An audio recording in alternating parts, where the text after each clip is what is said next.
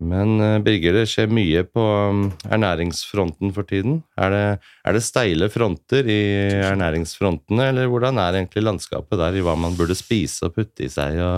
Ja, det er vel på en måte kan man si det er steile fronter. Eh, veldig sterkt sprikende oppfatninger av hva som er sunt, og så videre. Eh, men i store deler av det akademiske miljøet så vil jeg si at det er kanskje mer enn um, et spørsmål om det er, ikke, det er, ikke, en grunnleggende uenighet. Det er kanskje i større grad et spørsmål om hva man legger vekt på, for å si det sånn. Altså med vektingen av ulike interesser. Og det er jo det som er greia med mat. da. Ja. Det er ekstremt komplekst. Som jeg pleier å si, det er ikke komplisert, egentlig. Det er komplekst. Altså, Hver enkelt er ikke vanskelig å forstå, mm. men det er så mange faktorer som spiller inn. Ja. Noen er jo selvsagt vanskelig å forstå òg. Ja. Men uh, så, sånn at det, det, det, det, blir rett og slett uh, veldig vanskelig å ha et og, altså, Det er en veldig krevende jobb å prioritere uh, hva som er det viktigste. Og da hender det av og til at sjøl fagfolk, sånn som meg og andre, eh, velger Altså prioriterer forskjellig. Eh, for eksempel eh, så opplever jeg at eh, eh, mine kolleger på Universitetet i Oslo, for eksempel Jeg er jo på Norges miljø- og biovitenskapelige universitet. Eh, mine kolleger på Universitetet i Oslo er mer opptatt av det som kalles klinisk ernæring. Mm -hmm.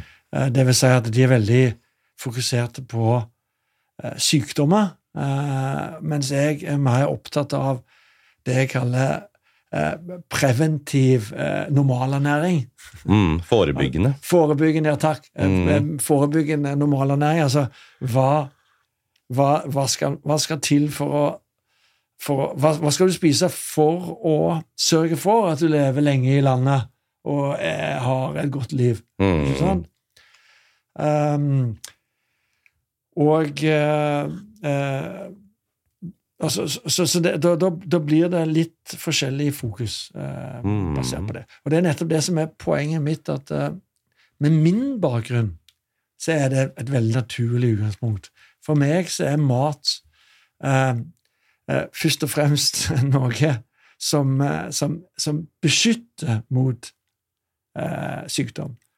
Um, når man eh, spiser riktig. Uh, mens for andre så handler det veldig mye om at uh, altså, du har på altså, utgangspunkt til sykdommen. Kanskje én sykdom til og med. Kreft, for eksempel. Og hva skal du spise for å unngå kreft? Men det blir litt for snevert etter mitt syn. Det er mer, mm. Du må på en måte ta alt som handler om helsen, og så tenke hva er matens viktigste rolle? Og da, og da bare for, Nå mm. snakker jeg i vei, altså, ja, ja, bare, for, bare, for, å ta det med en gang, så er jo det som jeg kaller eh, matens primærfunksjon, er jo ikke altså Det viktigste grunnen til at vi spiser, er jo ikke for at vi ikke skal få kreft. Mm. Men den viktigste grunnen til at vi spiser, det er at det, maten er, inneholder essensielle bestanddeler. Altså kjemikalier, som jeg pleier å si, kjemiske komponenter som kroppen trenger. De er såkalt essensielle. Vi trenger de komponentene i maten. Hvis vi ikke får nok av dem, så dør vi. Altså, så, mm. så, er det, så, er det, 100, 100 sikkert, uten tvil, at vi dør. For de er essensielle. De er livsviktige. Mm. Og det er en hel haug av de, Ja. Ikke sant? Eh, 30-40 hvis man koker det ned til de viktigste, men egentlig mange flere. Ikke sant? Mm. Så så, det, så, så, så det, det, er mitt hovedfokus, egentlig, og det mener jeg det vi, Den jobben med å, å på en måte definere kostholdet slik at det sørger for at vi får nok av alle disse næringsstoffene, som det heter, det er, det er, nummer, det, det er, det er liksom nummer én. Det viktigste. Man må begynne der. Det er fundamentet. Mm. Ufravikelig krav mm. for at vi skal leve. Um, og, og da, da, tenker jeg at eh, mange kanskje begynner litt i feil ende. At de, uh, altså de, de, de, glemmer fundamentet, og så hopper de rett på hva skal vi spise for ikke å få kreft? Ja, liksom toppen av pyramiden. Og liksom tenke Ja, opp på toppen. av Hva kan vi i tillegg bruke det til for å reparere ting, for å fikse ting? ikke sant? Så det er på en måte greit nok det òg, men du må først starte med bunnen av pyramiden. Mm. Du må ha fundamentet. men tror du det der fokuset på at ehm, man skal ha det kliniske bildet i forhold til, og tenke i forhold til sykdom, er det pga. at Norge medisinsk sett har vært så innstilt på reaktiv helse? Vi har hele tiden hatt et sånt fokus på at man går til legen hvis man er syk, ikke hvis man går, man går ikke dit for å forebygge sykdom. Det har hele tiden vært en sånn reaktiv helse. Man skal ikke eh, tynge ned eh, helsevesenet for mye. Man skal ikke ha så mye sånn screening, man skal ikke ha så mye forebyggende greier. Ehm, og at det er litt den tradisjonen som kanskje også gjelder ernæring. Da. At det er ikke så veldig mye tankegang på forebyggende der. Det er mer sånn uh, hva skal vi gjøre når man først er blitt syk? At det er litt den. Ja, altså det, det er, Dette har helt sikkert endra seg, og uh, det er stor forskjell uh, fra, fra legekontor til legekontor òg, fra lege til lege. Men det har nok, er nok sånn at denne disiplinorienterte lege medisinske verden, som jo òg dominerer eh, ernæringsfaget, eh, har, eh, har jo selvsagt et veldig sterkt fokus på, på å, å kurere sykdommer. ja. Du kommer Det er noe som feiler deg. Vi skal fikse deg. Og Ja. Det er jo det som de er så utrolig flinke til eh, på veldig mange ting. Og så har det kanskje vært Er de ikke fullt så flinke kanskje, eller har ikke hatt fokus, eller ikke hatt Ja. tid til. Altså, det er jo det også viktig å, å, å, å forstå at dette, det er utrolig mye en lege skal ha kunnskap om, ikke sant? iallfall en allmennlege. Så det har blitt det, det er nødvendigvis ikke så stort fokus på eh, det som kommer før man er syk, altså forebyggende. Eh, selv om det er en del av utdanningen, Mm. eh, så er det nok eh, ikke så veldig solid. Eh, det. Jeg jeg tenkte på det med samfunnsmedisinsk-messig, så eh, har jeg alltid hatt inntrykk av at USA at de er mye mer opptatt av screening, der at man går til legen selv om man ikke er syk, man tar eh, blodprøver og tester for å sjekke at alle verdiene er i orden. Man, man gjør mye mer av det, da, virker det som for meg i USA, for eksempel. Sikkert fordi man betaler av egen lomme. Mens i Norge så har man hatt mer fokus på at du går mest til legen hvis du allerede er syk. At det ikke, eller i hvert fall under en viss alder. da, Med en gang du kommer og vet ikke hva det er 40, 50 eller 60, at da er det mer naturlig at du går og tar blodprøver og sånn for å forebygge. Men i ung alder også så er det ikke så mye fokus på det. Sikkert fordi det er et samfunnsmedisinsk-messig spørsmål. da, At det vil bli veldig dyrt hvis alle skal gå og teste seg for alt mulig hele tiden. Ja, eh, men, men, altså, men, men jeg tenker egentlig at det du snakker om nå, det er jo det som er, er det viktige. Men, og det, det er noe som hver enkelt av oss har et ansvar for. ikke Ja. sant? Å eh, maksimere vår, vår eh, eh, antall timer, friske timer, Mm. eller hva skal man si, friske timer ganger hvor, eh, hvor godt vi har det. For det er òg faktisk et viktig spørsmål. ikke sant? Så det er jo på en måte en, For meg, som, som er en veldig sånn liker å prøve å rasjonalisere så mye som mulig, så er det jo på en måte eh, eh, I noen tilfeller så for eksempel gjør man ting som er risikabelt, ikke sant? Som, som, som, som øker sannsynligheten for at du ikke lever lenge. Klatre, for eksempel, eller gjøre andre morsomme, spennende ting. Eh, og da er det sånn at på en måte regnestykket er eh, liksom gleden i det, eh, eh, ikke sant, gange, gange sannsynligheten for altså, altså, risikoen for, for at du får et kortere liv.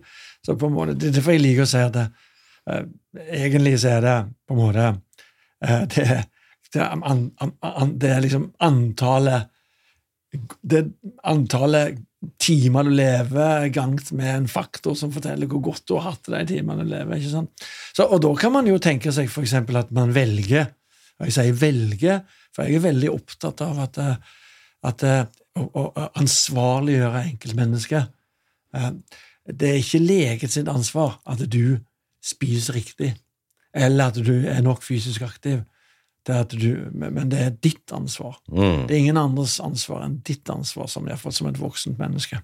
Syns du man burde gå og ta For jeg tenkte litt på det. Burde man gå og ta på eget initiativ sånn blodprøver. Eller jeg vil sjekke at vitamin D er riktig, at jernnivået er viktig, mineraler, alle mulige vitaminer og sånn, bare for å Selv om man ikke er syk, da, gå og gjøre det selv. Eh, om man ikke får gjort det i det offentlige helsevesen, gå og gjøre det privat og betale for det. Tror du det, Er det en god idé på en måte å gå og gjøre det, eller er det på en måte overkill å gå og sjekke det hele tiden? Det, det, det, det, kan Jeg er ikke negativ til det. Det er litt uh, Altså Hvis du kan ernæringen, for å si det sånn mm. Jeg går ikke og tar blodprøver, mm. for å si det sånn. Jeg, jeg uh, føler meg så komfortabel med at jeg vet har 100 oversikt over at jeg vet jeg har et variert kosthold og får i meg mer enn nok av alle de viktige komponentene som jeg trenger for et langt og sunt liv. Um, så jeg gir det ikke, men um, så jeg vil si at det beste er jo hvis man har den kompetansen. Nå er jeg professor i ernæring, så det er jo lett, burde være lett for meg. Uh, og det er selvsagt ikke så lett for andre, men, men, uh, uh, men, men det vil jeg si nummer én, da, hvis du, hvis du klarer å sette deg inn i dette komplekse, men ikke kompliserte, som handler om hvilke næringsstoffer som du trenger, hvilke som, som er de mest kritiske, altså som lettest blir for lite av. Vitamin D, for eksempel, jern kanskje, og selen altså, mm. og, og, og, da lærer det litt om hvilke matvarer som inneholder disse i store mengder. Um, så vil jeg si at uh, da uh, er sannsynligheten for at du får mangelsykdommer som skyldes for lite av disse stoffene, er svært, svært liten. Mm.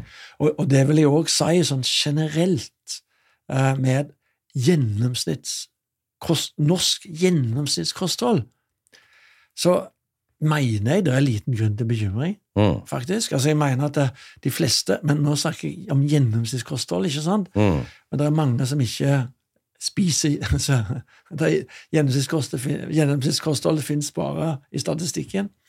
Uh, vi alle avviker i større eller mindre grad fra det, men, men, men gjennomsnittskostholdet er veldig godt. Mm og veldig rikt. Det, er på en måte òg en sånn en greie som jeg liker å påpeke. Jeg har jo skrevet en bok som heter Spiselig. Uh, den siste var den siste boka òg.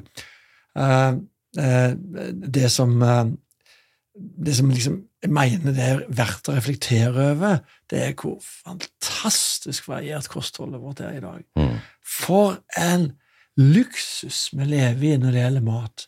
Jeg pleier å si Ludvig den 14. Solkongen ville vært grønn av misunnelse. ikke sant? Han hadde gått inn på en han gått inn på en, altså en Rema-butikk her på Skullerud og sett det utbudet av mat. Vi spiser Altså, altså, Sesonger eksisterer ikke lenger. ikke sant? Altså, selv når jeg vokste opp, som jeg begynner å bli dessverre noen år siden, men eh, så, så var jo, fantes det fremdeles sesongvare. ikke sant? Tomatene kom i april. Um, og jordbær eh, det altså, Jordbær kom i juni, ikke sant? Var, man så fram til det. Så det var ikke mye eh, som var igjen av sesongbaserte kostholdet. Før det så var det jo ennå Tenk på tilbake for 100 år siden, så var grønnsaker noe man ikke spiste mellom eh, mars og, og august. ikke sant? Uh, men, men, altså uh, men i dag så fins ikke sesonger lenger. Du kan få hva som helst når som helst. Mm. Og, og, og, sesongen er borte.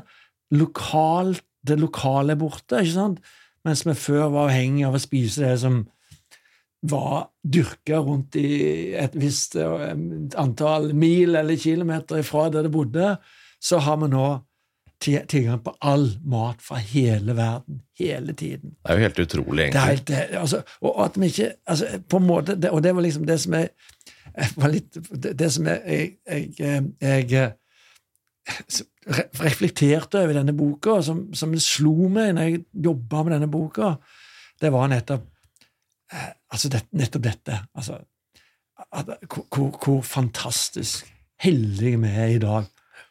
Um, og, og, og, og, og da en litt sånn forundring over at vi ikke eh, at, at det er veldig mye snakk om mat er på en måte negativt lada. Ikke sant? At det liksom det er først og fremst et problem. Alt som er gale med maten. ikke sant? Altså, Eh, men, men, og, det, og, det, skal man også fokusere på, for all del, fordi vi skal være kritiske.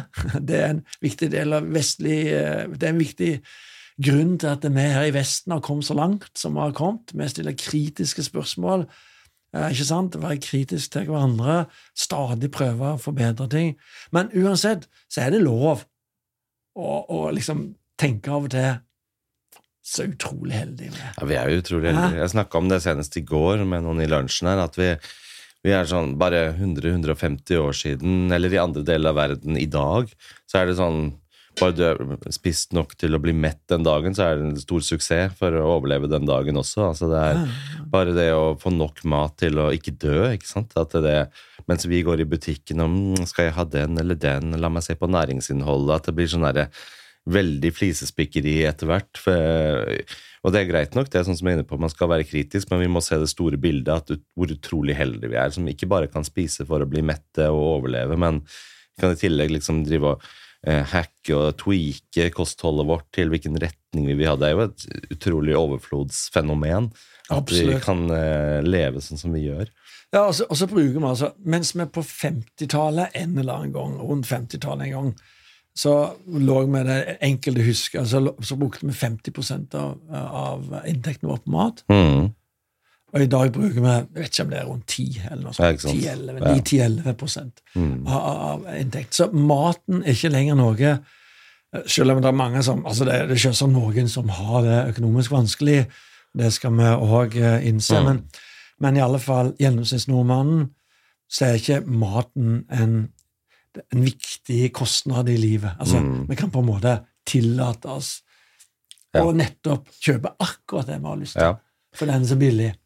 Uh, så og, og, og, du sier det, det er en, en, overflod, og det er på en måte òg problemet. ikke sant? Mm. Så det var på en måte det som jeg, som jeg har sagt, uh, som jeg skrev om den i boka det er liksom, uh, I hovedsak er det et, det er et par problemer med maten. Den er, den er, for billig, og den er for god. Ja. det er sant, det. Men det er det som er paradokset. det, ikke sant? De som har kanskje minst kunnskap om mat og, og i forhold til sosioøkonomisk status, altså det, og, den, billigste maten er den som er ofte mest usunn. da. At man, det er liksom, man skulle tro nesten motsatt. Jeg dro den parallellen i går når vi snakket sammen med noen her, at det, la oss si helt tilbake si, i middelalderen, da. 15-, 16-, 17-, 1800-tallet. altså det som var billig mat da, var jo ikke så spesielt usunt. Det var jo gjerne ren mat, sikkert. altså eh, La oss si kål eller poteter etter hvert når det kom. og um, De enkle matvarene grønnkål og, og kjøtt og lam. og Uh, altså Det var ikke så mange som hadde kjøtt, sikkert, men det var i hvert fall rene matvarer. Du spiste helt ren grønnsak eller uh, opprinnelige matvarer, da, selv om du ikke hadde så mye penger. Så det var jo på en måte sunt. Mens det, de som har minst penger nå, det, det, billigste i butikken, er jo gjerne ultraprosessert mat og ting som ikke minner om mat i det hele tatt. Mm. Og det er det man putter i seg. Så det er jo et paradoks, det. at uh, det, det, billigste i butikken burde være det enkleste og mest rene, mest ubehandlede råvarene på en måte. Mm, mm. Ja, altså, det, det, er jo altså, Snakk om det, det altså Som sagt, eh, det, det, er en, eh, det er en utfordring at eh, Det som er utfordringen i dag Altså, det er viktig å tenke på at du skal spise variert, fordi Nettopp fordi at du må få nok av disse næringsstoffene kroppen trenger. ikke sant? Og disse næringsstoffene fins ikke i all type mat. Det er liksom egentlig grunnen til at man spiser variert. ikke sant? Mm. Vitamin D, eh, jod, det er liksom eh, fisk, ikke sant? Mm. Eh, ikke minst. Så man må, bør spise litt fisk. Mm. Ikke sant? Også, og vitamin C ja, det, det hjelper ikke om du spiser fisk. Om du stapper i deg så mye fisk du klarer, så får ikke det nok vitamin C. Da må du mm. spise grønnsaker og frukt. Jern, eh, animalske eh, matvarer generelt, en god kilde, osv., osv. Så, så at eh, eh, Det er faktisk sånn at eh, man eh, Det er ikke bare å det er liksom Utfordringen er ikke bare å passe på å spise passe, men man må, må spise variert. Men det klarer folk stort sett i dag. Det er det som er mitt poeng. Mm. Min største bekymring er ikke at vi ikke klarer å få i oss nok av de viktige næringsstoffene. Selv om uh, hvis man lever på pizza Grandiosa og Coca-Cola, mm. så, så, vil det kanskje ja. bli et problem. Og, det, og, og, og, som du sier, eh, sånn fast food, eh, Mm. junk food-aktig mat. Um, som eh, både kanskje er litt eh, lav på viktige næringsstoffer, men først og fremst er ekstremt energirike, så det er et Mm. problem at du så lett legger på deg når du spiser det. Mm. Um, men, men altså, den, den utfordringen med energibalanse er, er mye større. Ja. Og mye vanskeligere.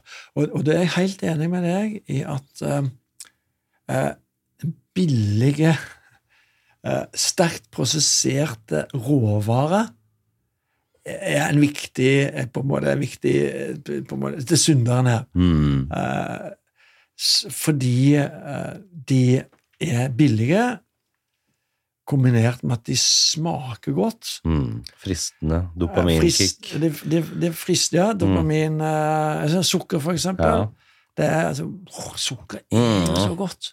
Og folk er bruker det for alle mulige andre årsaker Det- enn å få inn i seg mat. ikke sant? De bruker det til eh, avhengighet, til stimuli, fordi de er Mm. triste og lei seg, Ja, eller fordi de skal feire noe, eller fordi de skal unne seg noe. Eller... Det handler jo ikke alltid om mat lenger. Det handler om alle mulige andre grunner til at man stapper det i seg. Nettopp. Og det er billig. Mm. Uh, så det, og, og, og, og sukker, altså denne, denne triggingen, dopaminshottet du får Mm. når du spiser sukker, er jo djupt forankra i, eh, i våre gener. Ja, ja. eh, som antagelig eh, altså på en måte noe vi har tatt med oss ifra vår tid eh, som uh, trelevende Ja, uh, aper. ja. ja. Hvis vi uh, først kom over sukker da, så var det oi, dette Ja, ja, skal jeg altså, mer av. Sjimpansen Mm. den lever jo i veldig stor grad av frukter. Som eh, den Altså, ja, trefrukter, ikke sant? Mm. Trefruktene er søte fordi eh, fordi de vil at sjimpansen skal spise dem, ikke sant? Ja. Eh, og, og, så det er et, en symbiose der. eh, Det er på, altså, frukt er jo naturens godteri. Mm. Altså, frukt er Det, det syns jeg er litt sånn festlig. Det er frukten og godteriet eh, det, altså, de det er på en måte det, det, Hva det heter de, de, er- de er altså de, har, de, har, de, bruker de samme triksa. Det er festlige farger som er lette å se, iallfall fra dyr som har fargesyn, sånn som mennesker og sjimpansene har. Og de er søte. Mm. Um, og poenget til planten altså poenget til planten, altså Det er ikke sånn at planten har tenkt det, men det som har skjedd, er jo at de trener med som har hatt en mutasjon som sørger for at fruktene blir søte, har spredd seg mye mer fordi sjimpansen har spist de og fordøyd sukkeret, og, og i bæsjen så har frøet overlevd. Ja. Eh, i en, i en fi, og så for det første har spredd seg. Det er jo Mm. løse problemets, eh, treets problem at det ikke kan gå. Mm. eh, Så har spredd seg, og i tillegg deponert i en sånn en næringspakke. Mm. Som en slags start sant? Ja. Med, med gjødsel som en veldig Smart, nærings... Ja, altså, Mm. genialt. Naturen er lur. Og, og derfor så, og, og, mens for sjimpansene er jo sukkeret viktig som energikilde, så det er jo bra. Og derfor så har det Og energi har vært en begrensa faktor, både for, for dyr og mennesker Mm. hele veien. Den viktigste komponenten i maten. Og derfor så har liksom har, er det et system for å liksom for belønne oss Ja. for, for å spise noe som er søtt. Men sjimpansen har den en annen eh, kan du si, fordøyelse, da, eller metabolisme, for å bryte ned sukker, sånn at den ikke ender opp med diabetes og sånn, og bare stappe i seg sukker? Eller er den samme som Akkurat mennesker? samme. Er den, ja? Ja, vi er akkurat den samme. Ja. Altså, forbløffende lik når Ja. du ser et bilde av fordøyelseskanalen til en sjimpanse og menneske. Så er det Men hvordan kommer det seg at den da kan stappe i seg så mye sukker, mens vi mennesker er redde for sukker og redde for diabetes og Nei, altså, det, fordi sjimpansen ikke har heis i trærne og må klatre opp og ned Ja, sjøl. så den forbrenner alt sammen. Nettopp. Ja, ja, ja.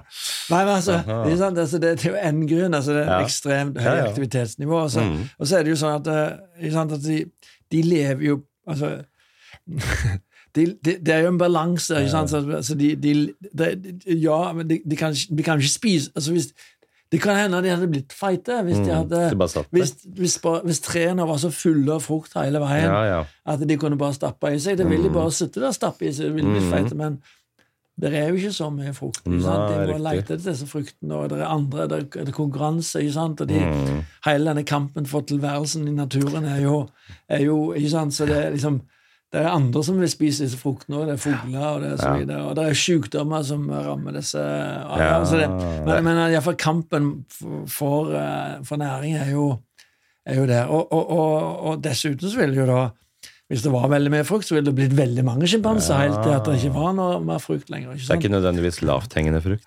Nei, det er ikke det. Er ikke, det, er ikke det.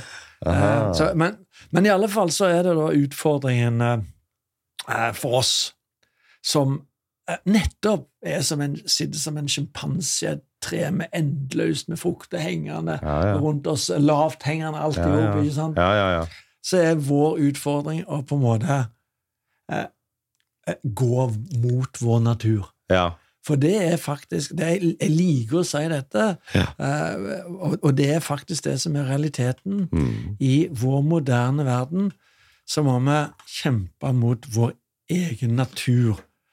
Eh, fordi det eh, vi har eh, det, det, vår, det vi har blitt Altså har, Evolusjonen har, har gjort, er at den har Den har sørga for at de som har evne til å legge på seg Altså bygge fettreserver på kroppen når mat har vært tilgjengelig i store mengder, det er de som har reprodusert Ja. mest. Mm.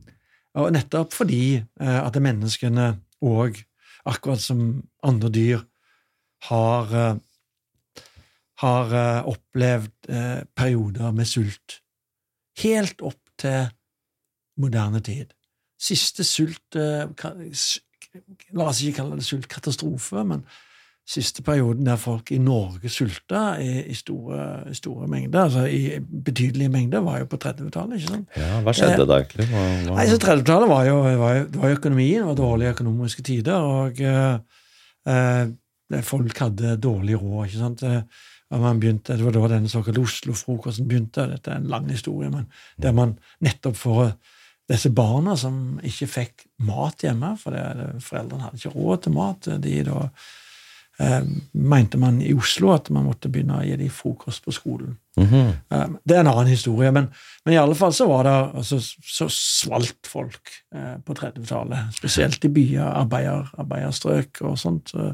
Men før det så har det jo vært Altså, ja, Mm. sulten har Alltid vært med oss. som Ja, den Mm. har altså pre periodisk eh, sult, eh, katastrofer Ikke sant? Eh, Terje Terjevigen? Ja, Eller var det Ja. Vigen? Altså Ibsens eh, ja, ja. ja. Mm. Terjeviken, ikke sant, som bror over til Danmark for å få tak i en sekk med korn på Mm. dette napoleonskrigene på 18, begynnelsen av 1800-tallet. Men altså, så, så perioder med sult uh, har prega menneskeheten, og derfor så har vi uh, i oss Vi vil bli feite. Mm. Og det har historisk vært lurt. Ja. Feite kanskje er feil ord, men overvektig eller et godt fettlager. Altså, sånn som jeg er, jeg er tynn, det er ikke naturlig. Nei. Eh, gitt at mat er tilgjengelig. Hvis det ble sultkatastrofe nå, Ja, så så du ligger jeg tynt an, altså. Da, da, da, da ligger jeg tynt an, og det, det, det er jeg fullt klar over. Mm. Derfor har jeg et lite lager i kjelleren. Nei da, men, eh, men eh, eh, så, så, så vi må på en måte hvis, Men problemet er jo bare ikke sant, at vi aldri opplever at vi har brukt for dette Mm. Fettlageret.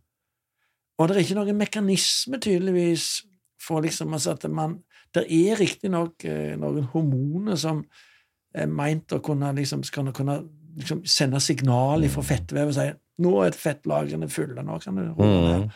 Det ser ikke ut som de virker veldig eh, godt. Det kalles leptin, disse hormonene. Men eh, så i alle fall så, så ser det ut som at den der eh, altså, passe fettlagermekanismen ikke er Mm. veldig godt utvikla hos mennesker. Men la oss si hvis man er veldig overvektig, da. Ta et sånn utgangspunkt, et sånn hypotetisk eksempel. Hvis man er veldig sånn øh, Veier 250 kilo, liksom, er øh, sykelig overvektig. Så blir det en sultkatastrofe. Plutselig har du ikke tilgang til noe mat. Du har vann, men ikke noe mat. Vil da den personen overleve lenge? Altså begynner kroppen å spise av det fettet med en gang? Og, og er, er, det så mye energi og næringsstoffer også lagret i det fettet at det vil dekke alle mulige Sånn som vi pratet om, eh, at det er mange forskjellige essensielle ting som kroppen trenger. Vil, klarer den å hente ut og metabolisere fettet til å bli til alle disse elementene som man trenger? Mm. Så det er sånn, ja. Vel, vel nei, nei, altså det, det, det, det, er ikke, det er ikke sånn. Eh, mm. Så enkelt er det ikke. Men, men det som er helt sikkert, det er at det, det gjelder alle og enhver. Mm. Det øyeblikket du ikke tilfører kroppen nok energi gjennom mm. maten, så vil kroppen begynne å tære på lageret. Men eh, Tærer den da på fettet med en gang, eller tærer den da like gjerne på muskler og nei, nei, alt mulig? Han begynner Kroppen er klok. Ja. Eh, den begynner jo og med en gang, så, med en gang det er på en måte eh, altså, det er ikke kommer mat med gjennom fordøyelseskanalen, energi i form av fett og karbohydrater, så switcher alle kroppens celler, så kan det, over på å bruke fett som energikilde. Og da, og Dette skjer for oss alle i løpet av natta, eh, gitt, iallfall hvis vi ikke står opp om natta og spiser om natta så vil kroppen i løpet av natta, og selv om man f.eks. spiser kanskje åtte-ni-tida om kvelden, når man våkner om morgenen, i seks-sju-tida, eller man, når man våkner, så vil kroppen være på fettforbrenning. Mm. Da, da, har alle cellene da har man på en måte brukt opp maten i fordøyelseskanalen. Den er borte, den er ferdig fordøyd, um, og kroppen har da switchet over på å bruke den langtidskilden til energi som mm. fett er. Alle celler som kan, bruker da fett. Og da brenner vi jevnt og trutt fett. Uh, under, under, uh, hvis vi da fortsetter å la være å spise, så er det ingen dramatikk. Kroppen fortsetter å brenne fett. Uh, og dette hvis man da har, lar være å spise et døgn, f.eks., så vil man i løpet av det døgnet ha kanskje forbrent en 200 gram fett. Riktig. Litt avhengig av hvor mye fysisk aktivitet man er. ikke sant? Så la oss si det er en lang sultkatastrofe, da, og personen må gå en måned eller to måneder uten noe mat, ikke bare vann, i to måneder. Og Da kan en person fint overleve det hvis du veier da 250 eller 300 kilo, og så har du veldig mye fettlager. La oss si 150 av de kilene dine er rent, rent, spekk, liksom. Da kan du bare brenne det, så, du behøver ikke noe annet for å overleve da. Du kan bare leve på det fettet du har. Nei, altså, Det er et enkelt regnestykke. ikke sant? Så Hvis du sier 30 dager, da, mm. så er jo det da med 200 gram per dag, mm. så er det 6 mm. kilo ja. Det betyr at sjøl jeg ja. ville klart det. Ja. Jeg har 6 kilo fett. Ja, ja, ja.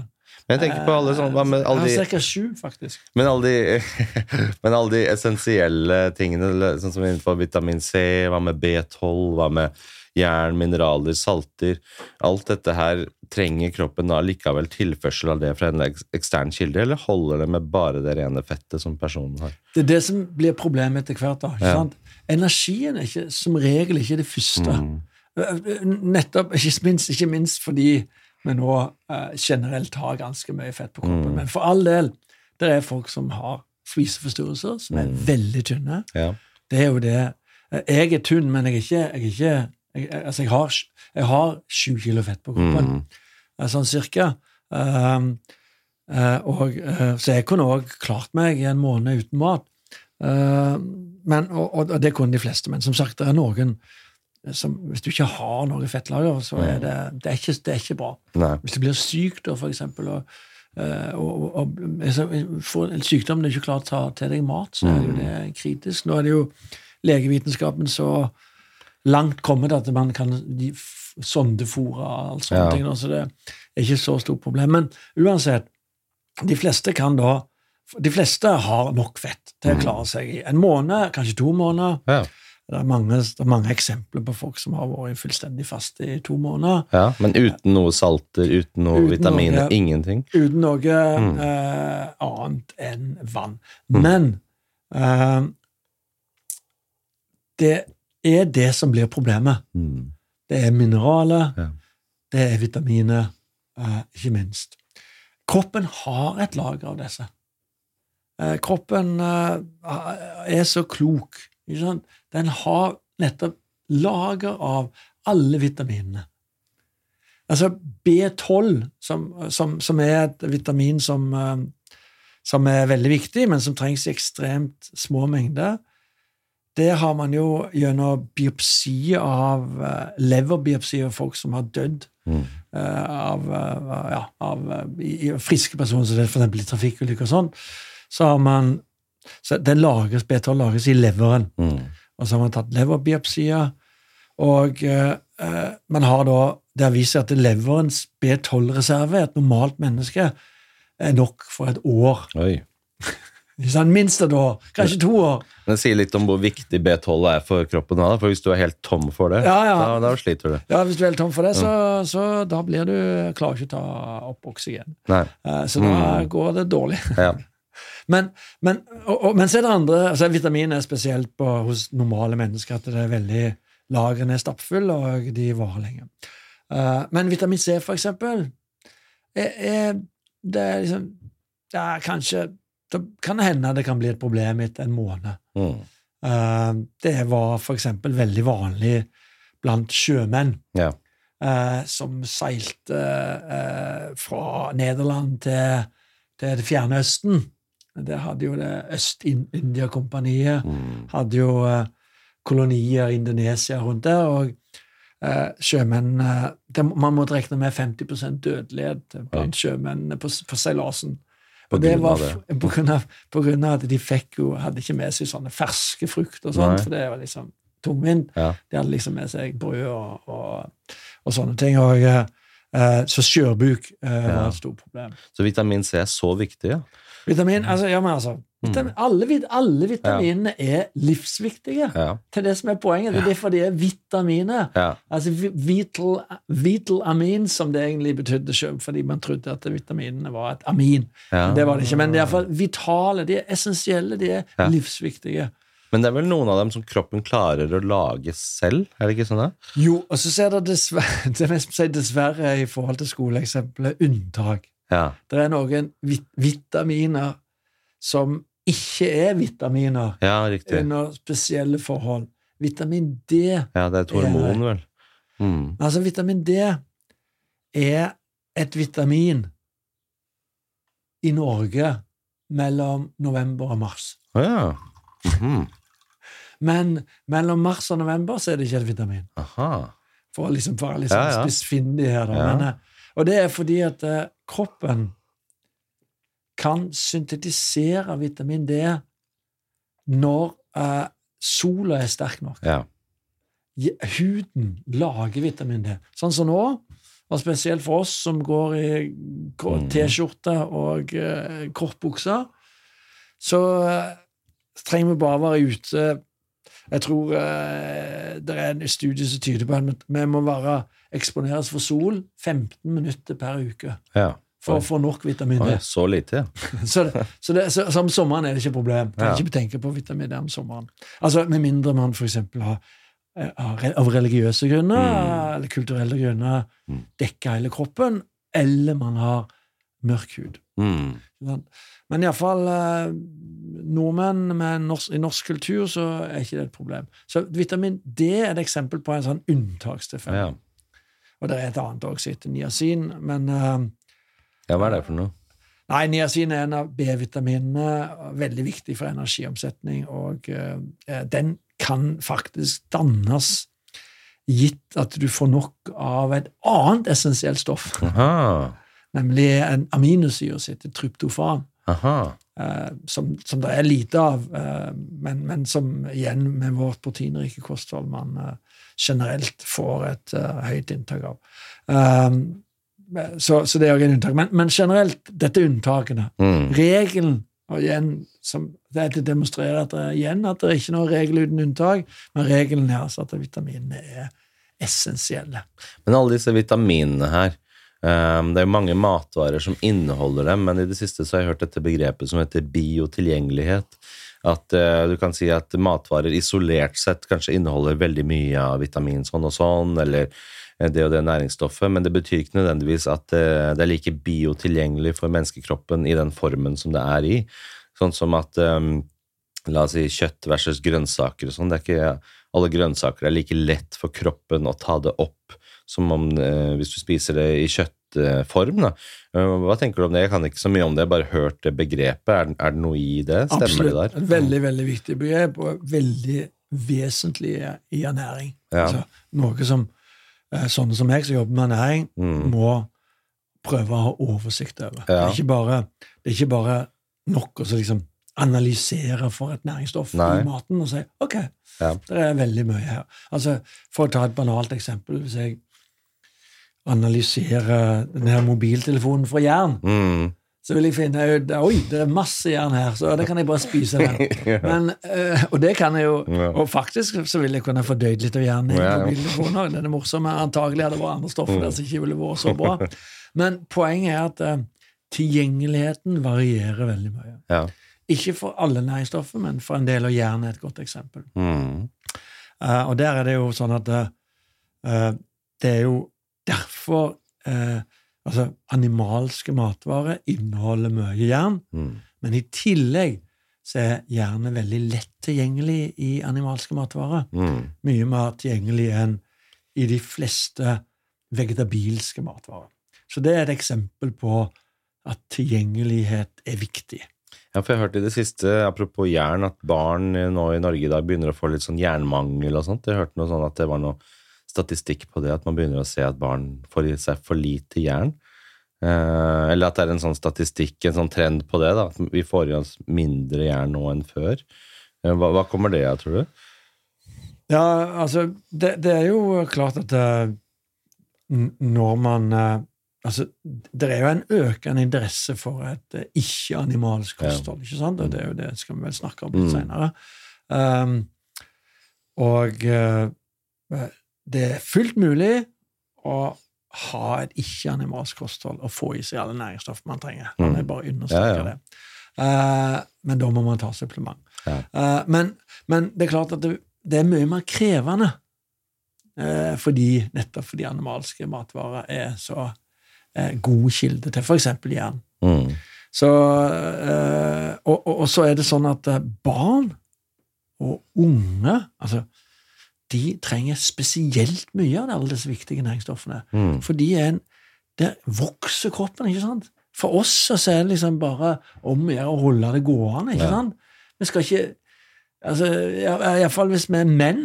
Eh, kvinner eh, skal kanskje produsere et avkom, altså, men, men altså menn Menn Vi skal bare holde det gående, Mm. holde kroppen ved like, helst prøve å unngå forfallet, ikke Mm. sant? Som jo er dessverre foreløpig helt umulig. Men, men i alle fall så, så, så trenger vi da mye mindre eh, av disse eh, mikronæringsstoffene og, og, og, næringsstoffer generelt enn et barn i vekst. Mm. Der det skjer masse bygging av kropp, ikke sant? Mm. masse jobbing der, konstruksjonsarbeid. Ja. Det er Eh, derfor jeg tenker det er så viktig dette her med la mennesker spise det man trenger, og spesielt holde politikken unna kostholdsråd, og ikke blande helse med politikk, syns jeg er viktig. Fordi spesielt nå bare sånn Eksempel er jo MDGs forslag her i Oslo om at nei, nå skal ingen barn få lov til å spise kjøtt lenger på AKS og på skole og barnehagen. Nå skal vi fjerne alt kjøtt derfra. Og nå skal de bare spise grønnsaker. Og da tenker jeg sånn, ok, hvorfor skal vi drive og blande inn politikk i det? Hvordan, på hvilken måte eh, Hvorfor skal vi på en måte skyldbelegge små barn med at de ødelegger verden hvis de spiser kjøtt? på en måte? Det er nesten det man gjør da man projiserer den der kjøttskammen over på barn og sier her, vær så god, dette er på dine skuldre nå. Hvis du spiser en bit av servelaten, så bidrar du til at verden går under.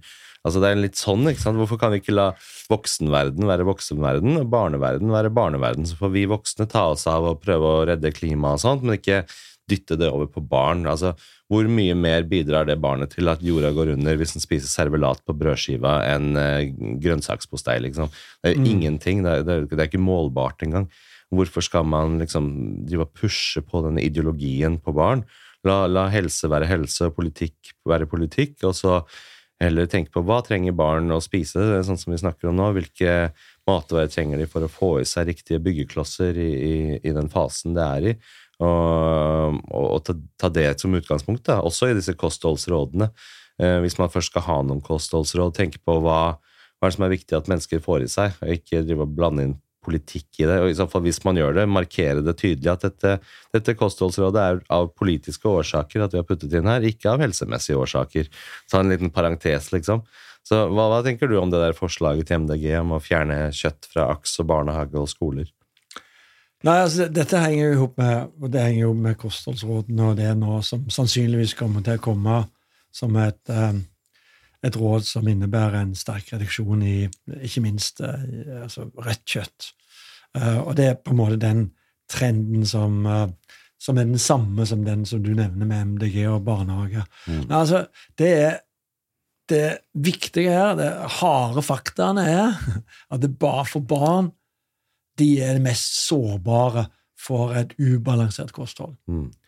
Eh, og, eh, altså, og den eh, det, hvis, hvis et barn får for lite av viktige næringsstoff, så, så vil det kunne føre til varige, irreversible Mm. eh, reduksjoner i det barnets eh, livskvalitet. For eksempel eh, jod.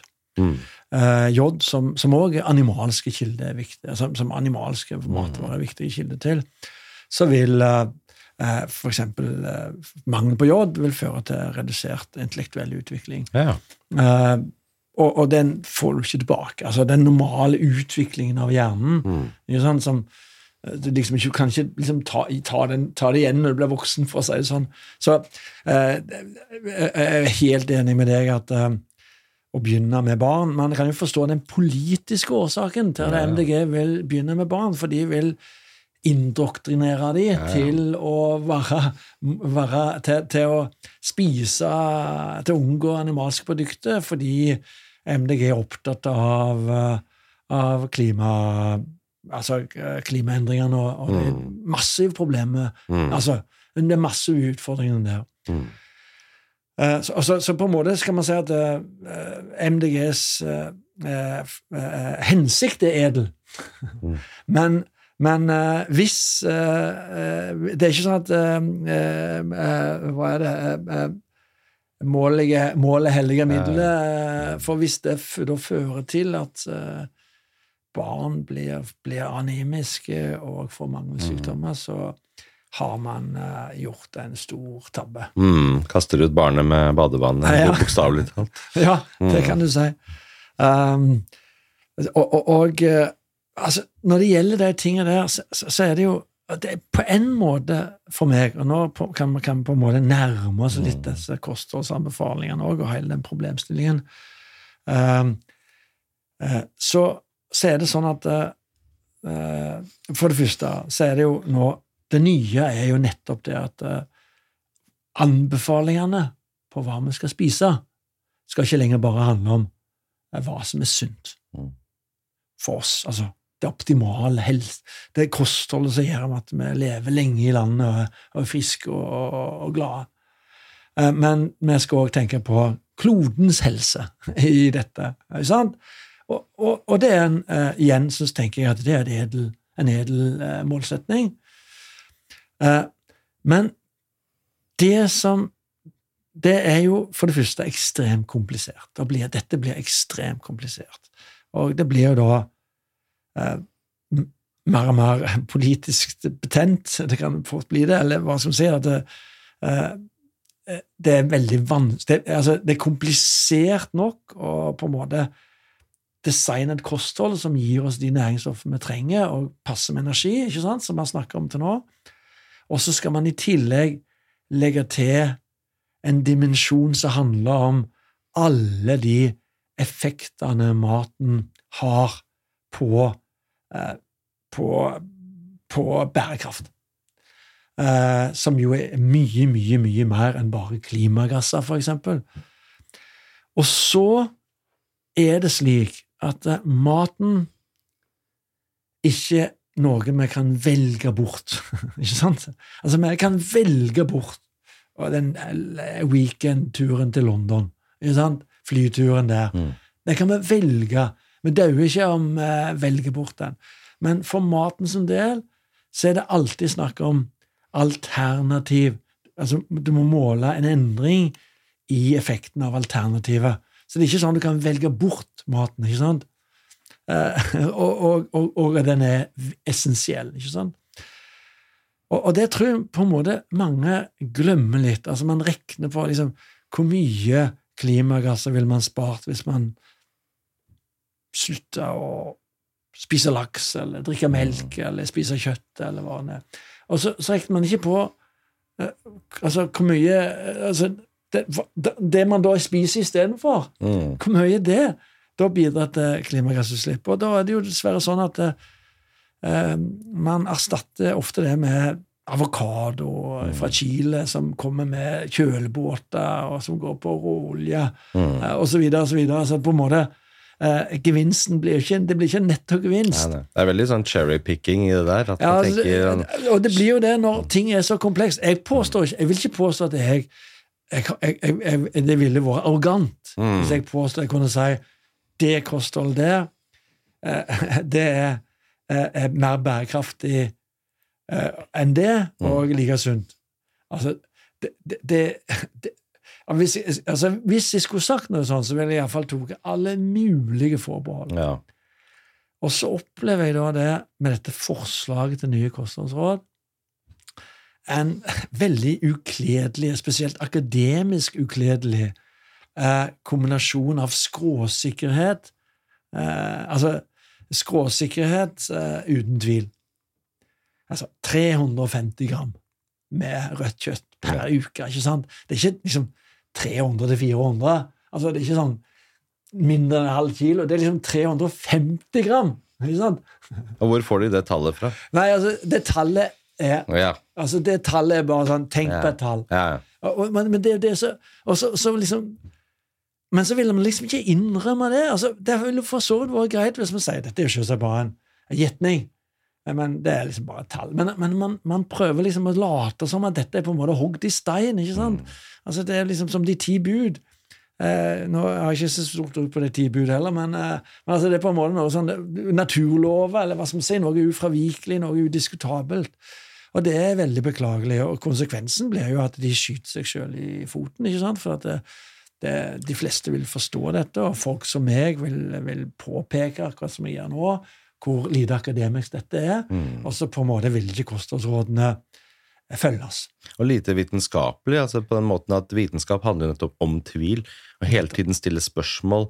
Og ikke være så opptatt av to streker under svaret, men at mm. dette her er det omtrent vi vet nå. Vi kan heller ikke si det sikkert. Det er også forbundet med tvil. Og vi er hele tiden åpne for nye innspill, vi er åpne for kritikk, vi er åpne for hva andre mener, og vi kan ikke si noe for sikkert, mens dette er helt motsatte av den vitenskapelige metoden. Dette er svaret. Mm. Staten har talt, dette er to streker under svaret. Skal ja. se for seg forbrukere stå hjemme med kjøkkenvekt og måle opp ikke 349 gram, men tre, oi, 351, nå må vi ta bort litt kjøtt. 350 gram, ja, dette skal jeg spise. Så skal det være sånne robotlydige borgere. Sånn, altså Satt på spissen så blir det sånn Nord-Korea-opplegg, da, eller Kina med sånn social score-system. Hvis du har vært flink til å spise 350 gram, så får du liksom, stjerner og bonuspoenger fra staten. Altså Det blir sånn der, eh, veldig sånn satt på spissen, men det blir sånn lydighetssamfunn, da, hvor du skal følge bokstavtro hva staten sier og forteller deg. Altså, ja. altså, når det blir så spesifikke ting, så føler jeg at samfunnet er på vei i en, en gal retning. Da blir det ikke lenger oppfordring eller anbefaling. Det blir mer sånn nei, dette er det staten har sagt, sånn skal det gjøres. Ja, for spesielt, altså spesielt eh, når det da følges av en politikk, en mm. forbudspolitikk, ja, ja. som liksom eh, Ja, som du nevnte, MDG og barnehager i Oslo. ikke sant? Mm. Altså, og da begynner det å bli farlig. Mm. Fordi forbudspolitikk mot noe som er per definisjon usikkert mm. Altså, røyking, for eksempel, og det blir ofte sammenlignet med røyking. ikke sant? Mm. Så, men fordi Vi, har jo forby, vi prøver jo med har jo advarsler på røykepakkene. Mm. Og, og no- noen vil kanskje være mer uenig i det òg, men røyking er utrolig mye mer enkelt. Mm. For, for det første fordi det er ingen tvil om at det er en kausal sammenheng Ja. mellom lungekreft og røyking. Ja, ja. Altså, det, at det, altså, det kan man forstå. Og røyking er ikke essensielt. Ja, det. Altså, men jeg mener jo fremdeles at folk må få lov å røyke. Da. Det, det, fordi at jeg mener igjen så dette med eh, individets valg. ja, det er en balansegang. Mm. Ja, altså, men så lenge, så lenge, eh, så lenge man eh, folk er bevisste på at de må ta Dette er ditt ansvar. Mm. eh, For, for, så du, du har høyere risiko for å dø av lungekreft. Hvis du syns røyken er så god Mm. At den oppveier for den ikke sant? Liksom på en måte, Ja, ja. Hvis, du, hvis du, livet ditt blir dobbelt så godt, Mm. og du lever bare halvparten så lenge, Mm. så er du i null. Jeg har en løsning på det. Det burde vært sånn eh, Når du kjøper en røykpakke som er så dyr uansett så, du vet Når du booker deg reise til Syden eller flytur, og sånn, så står det sånn 'Legg til forsikring for 25 kroner for denne reisen'. Det kunne vært sånn inkludert i den røykpakkeprisen som koster 120 eller noe sånt. 20 kroner av disse går til ekstra valgfri helseforsikring eh, for å betale for dine helseutgifter om 20 år. At det var sånn Ok, da betaler du for det selv. eh, Det er greit nok, og så må du ta risikoen selv. Ja. Altså, det er jo klart det er andre sider ved dette med røyken og med, på Mm. en digresjon, men Mm. det er jo klart at det, det vil jo samfunnet Det har en kostnad for samfunnet Mm. hvis du blir syk. Men på en annen side så er det jo så klart at eh, vi aksepterer jo altså Skal alt, eh, alle valg vi gjør, så øker risikoen. Hvis jeg, jeg klatrer, for eksempel, eh, Mm. veldig liten nå dessverre, men jeg gjorde det litt før, skal, skal, jeg, skal, skal jeg bli for skal jeg bli forbudt å klatre? For det er klart at da er det Ja. risiko for å dette ned. Ja. I beste fall så dauer jeg, ikke sant? og da er det billig. Men Nei. i verste fall så brekker jeg nakken. Det blir dyrt. Det blir dyrt ikke sant? Så, for samfunnet. Ja. Ja, men, men eh, jeg mener på en måte at eh, hvis man begynner å tenke sånn, så, så er det jo, blir det jo veldig komplisert. da. Men Ja. i, i ordet samfunn så er det implisitt at folk har frihet. Ja. Og frihet til å ta, treffe egne valg og gjøre egne Nei, ting. Og, og, og, og, og leve er jo forbundet med risiko i seg selv. Mm. Bare Å ikke sitte inne i leiligheten og faktisk gå og, og sitte inne i leiligheten er enda mer risikabelt. For det, det blir enda dyrere for staten hvis ingen gjør noen ting. Ja, ja, Så det må jo produsere verdi. Så uansett hva man gjør, så er det jo risiko. på en måte. Mm. Men det er selvfølgelig de der eh, De som skiller seg ut som veldig høyrisikogreier. Men, eh, Ja. men, eh, men men jeg skulle si at selv med røyking så er det jo ikke sånn at staten kommer inn der og sier ja, maks 13 sigaretter per uke. Eller maks 350 gram to tobakk i måneden. Selv der så sier de ikke noe så spesifikt. Men med rødt kjøtt, oi, da, da er det 350 gram på grammet. Det, men det, det, er det kan- det kan man si på, på et vis er mer fornuftig, da, for røyking er jo målet at man skal slutte. Mm. Men, men man innser jo det heldigvis da, at eh, man trenger mat. Så Men det virker som det er målet med kjøttet òg, at man skal slutte Ja, altså det- med trappingsmodell. Hos mange så tror jeg nok eh, målet er det, for, for Mm. det har blitt en, en ideologisk kamp. Det har det. Det har det. Uh, og uh, så, så, så la oss dukke litt inn i Ja, det der. gjør det. Eh, fordi eh, nå er det jo sånn at eh, meg da sier det en, ideologisk kamp, og da vil mange si at jeg er en del av den kampen. Jeg er en ideolog òg. Og det har med at jeg eh, er eh, professor på Norges miljø- og biovitenskapelige universitet. Eh, en viktig del av mitt ernæringsfag er faktisk husdyrernæring. Jeg har begynt som en husdyrernæringsprofessor som har, eh, jeg pleier å si, inkludert eh, tobeinte dyr uten vinger i eh, min portefølje, altså menneske. Og, og fordi jeg mener at vår, vår, vår på en måte tilnærming til ernæring er Mm. veldig nyttig, Mm. og det, det er mye man kan lære av vår tilnærming. Egentlig det samme som vi snakket om i begynnelsen, dette med forebyggende og dekke behov osv. Mm. Eh, men men så, da mener, er det mange som mener at jeg er farga av at jeg har for, jeg får jobbe for tett med husindustrien. Og jeg, jeg jobber som forsker, og det gjør jo alle forskere, jobber jo um, Har jo ofte samarbeidsprosjekter med industrien. Hvilken industrien er. Leger har uh, samarbeid med legemiddelindustrien. og eh, professor i fysikk har samarbeid med teknologiselskapet, IT osv. Så, så, så, så det er jo eh, Jeg òg står i fare for å bli ideologisk. Ikke sant? Um, så det, det, det innrømmer jeg. Men eh, det eneste jeg kan eh, love, det er at jeg prøver. å virkelig prøve å la være å være ideologisk. Og det er derfor jeg har aldri sagt at husdyr er eh, Altså animalsk mat er absolutt nødvendig i vår kosthold. Det, jeg sier det, det er, det er mulig å klare seg på f.eks. et vegansk kosthold. Ja, La oss ta den også. Altså, Hvordan blir det hvis en person bestemmer seg i dag for at ok, nå skal jeg bli 100% veganer, jeg skal aldri spise noe kjøtt igjen. Hva må den personen gjøre da for å klare å få i seg alle disse byggeklossene som er essensielle, uh, og leve et godt liv? Er det vanskelig for personen, og, og hvordan gjør man det da? Ja, altså, det, det, er jo, det, er jo alltid vanskelig mm. å mhm. endre kosthold. Ja, det er jo det som er problemet til mer enn 50% av befolkningen, ja. som burde endre kostholdet, mm. som ikke klarer det. Så for, for for de fleste så er endring i kosthold vanskelig. Mm. Men, uh, men, men, noen klarer det, ja. og veganere klarer det. Og jeg tror, jeg tror, jeg tror nettopp derfor mange veganere er veldig bevisste mennesker. Kanskje ja. det med høyt utdanna og mm. Med stor eh, selvdisiplin mm. osv. Iallfall uh, de som lykkes, er det. Eh, og, og, det er jo kanskje De er på en måte ikke representative for den gjennomsnittlige befolkning, men, men, men, det er absolutt mulig å klare det. Da må du rett og slett For det første så må du sette deg ned og studere ernæring. Ja. Ja, du må, må, forstå hva er det animalske matvarer er viktige bidragsytere til. Mm. Og da, da, Hvis jeg skal liksom bare ta på, på sparken og noen, Det er jod. Det er eh, proteiner men, eh, men, egentlig så er det liksom kvalitet av høyverdige proteiner. Ja. Eh, det er eh, vitamin D, uh, det er jern, det er selen, for å nevne noen. B12. B12 takk. Mm. B12. Mm. riboflavin. Men det er noen andre av de B-vitaminene som òg er viktige der. Men dette er iallfall noen mm. av de. så og da må du spørre deg sjøl hvordan skal du da forsikre deg at du får nok av disse. Uh, og det, det, som da er svaret for de fleste, det er pille. Men hvis du, la oss si man ikke skal ta piller, da, ikke noe som helst form for kosttilskudd, man skal ha det i seg som rene matvarer, går det an uten noe kosttilskudd? Jeg tror det. Mm. jeg tror det. Jeg er faktisk litt usikker, og jeg har lest mye paper om dette, jeg ble litt forvirra, men eh, det er altså Det B12 ja.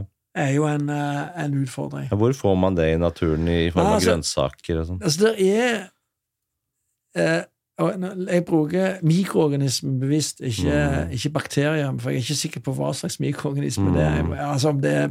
Jeg tror det er bakterier. Uh, men det er altså mikroorganismer som uh, som kan lage B12. Mm -hmm. Altså, jeg tror at uh, bestemte fermenteringsprosesser uh, uh, vil, vil lage B12. Sånn at du kan spise fermenterte produkter og dermed få i deg B12. Vi vet at det har vært noen bekymringer rundt den kilden til B12. at biotilgjengeligheten av mm. disse B12-kildene ikke er god nok. Så med alle forbehold ingen, Jeg må nesten ha en sånn disclaimer her nå. at ja, ja. Ikke, ikke saksøk meg nei, hvis dere spiser disse fermenterte produktene og får B12-mangel. Men, men, eh, men uh, i alle fall så er det jo på en måte det, det er mikroorganismen som er, som er fundamentalt sett kilden til B12. Uh, eh, sånn at uh, jeg tror det er, kan være mulig hvis man gjør det riktig. Uh, og så er det jo òg en annen mulighet Men det, var, det var, sånn Sorry, ikke pille. Ikke pille da, da. Så da må man liksom drive med noen slags fermenteringsgreie eller kjøpe noen slags fermenteringsprodukter, tror jeg. Så du kan egentlig si at det er ganske vanskelig sånn sett? Da. La oss si bare en person som ikke er satt inn i, i, i, ernæring og ikke har så høy utdanning og bare ja, 'Skal jeg bare spise grønnsaker?' Jeg. Hvis du gjør det der litt sånn ubevisst og ikke tenker så mye over det, og tenker at ja, jeg kan bare spise litt nøtter og litt grønnsaker og litt uh, bønner, og litt sånn, så går det sikkert fint. Da gjør det jo egentlig ikke det, hvis du ikke vet nøyaktig hva du driver med. Så det er ikke så lett å overleve på bare et vegansk kosthold da. Nei, det er ikke det, altså. Mm. Og, og, jeg tror nok eh, Dette vet jeg ikke noe om, men jeg, mener å ha sett noen uh, vitenskapelige publikasjoner der man liksom har observert at uh, det, er, uh, altså, det, er, det, er, noen som får mangelsykdommer, ja. som ikke klarer det. Altså, ja. for, og det er klart den ideologiske eller filosofiske motivasjonen er stor nok, så er det jo klart nok mange som Der den overskygger kompetansen, for å si det sånn. Ja, sånn at man, man er, har så stor man har så stor motstand mot å spise animalske produkter at man uh, gjør det til tross for at man ikke har kompetanse til å gjøre det. for å si ja. sånn. Ja. Og Hva er den ideologiske motstanden mot å spise kjøtt? Hva, inn, hva, hva inngår i den ideologien? Ja, la oss ta det, ja. for det er jo et, et spørsmål som er, er, veldig interessant. Så du kan, si, du kan egentlig si at uh, motstanden mot animalske produkter generelt, uh, slik jeg ser det i alle fall, i hovedsak dreier seg om tre elementer. Det ene har vi vært innom, nemlig klimagassutslipp. Eh, det andre er helse, eh, der, eh, man òg ser at det kan være noen negative effekter av, et for høyt inntak i alle fall, av animalske produkter. Altså hjerte-karsykdommer, tykktarmskreft osv. Og, og det tredje er etisk. Rett og slett det at man, en større og større andel av befolkningen eh, stiller spørsmål ved om vi mennesker har moralsk rett til å ta kontroll over dyr generelt. Mange veganere er jo imot kjæledyr. Eh, altså, de er imot at mennesker bruker dyr på noen som helst måte. Mm. Jeg vet ikke om alle er det, men i alle fall eh, er det mange som er det.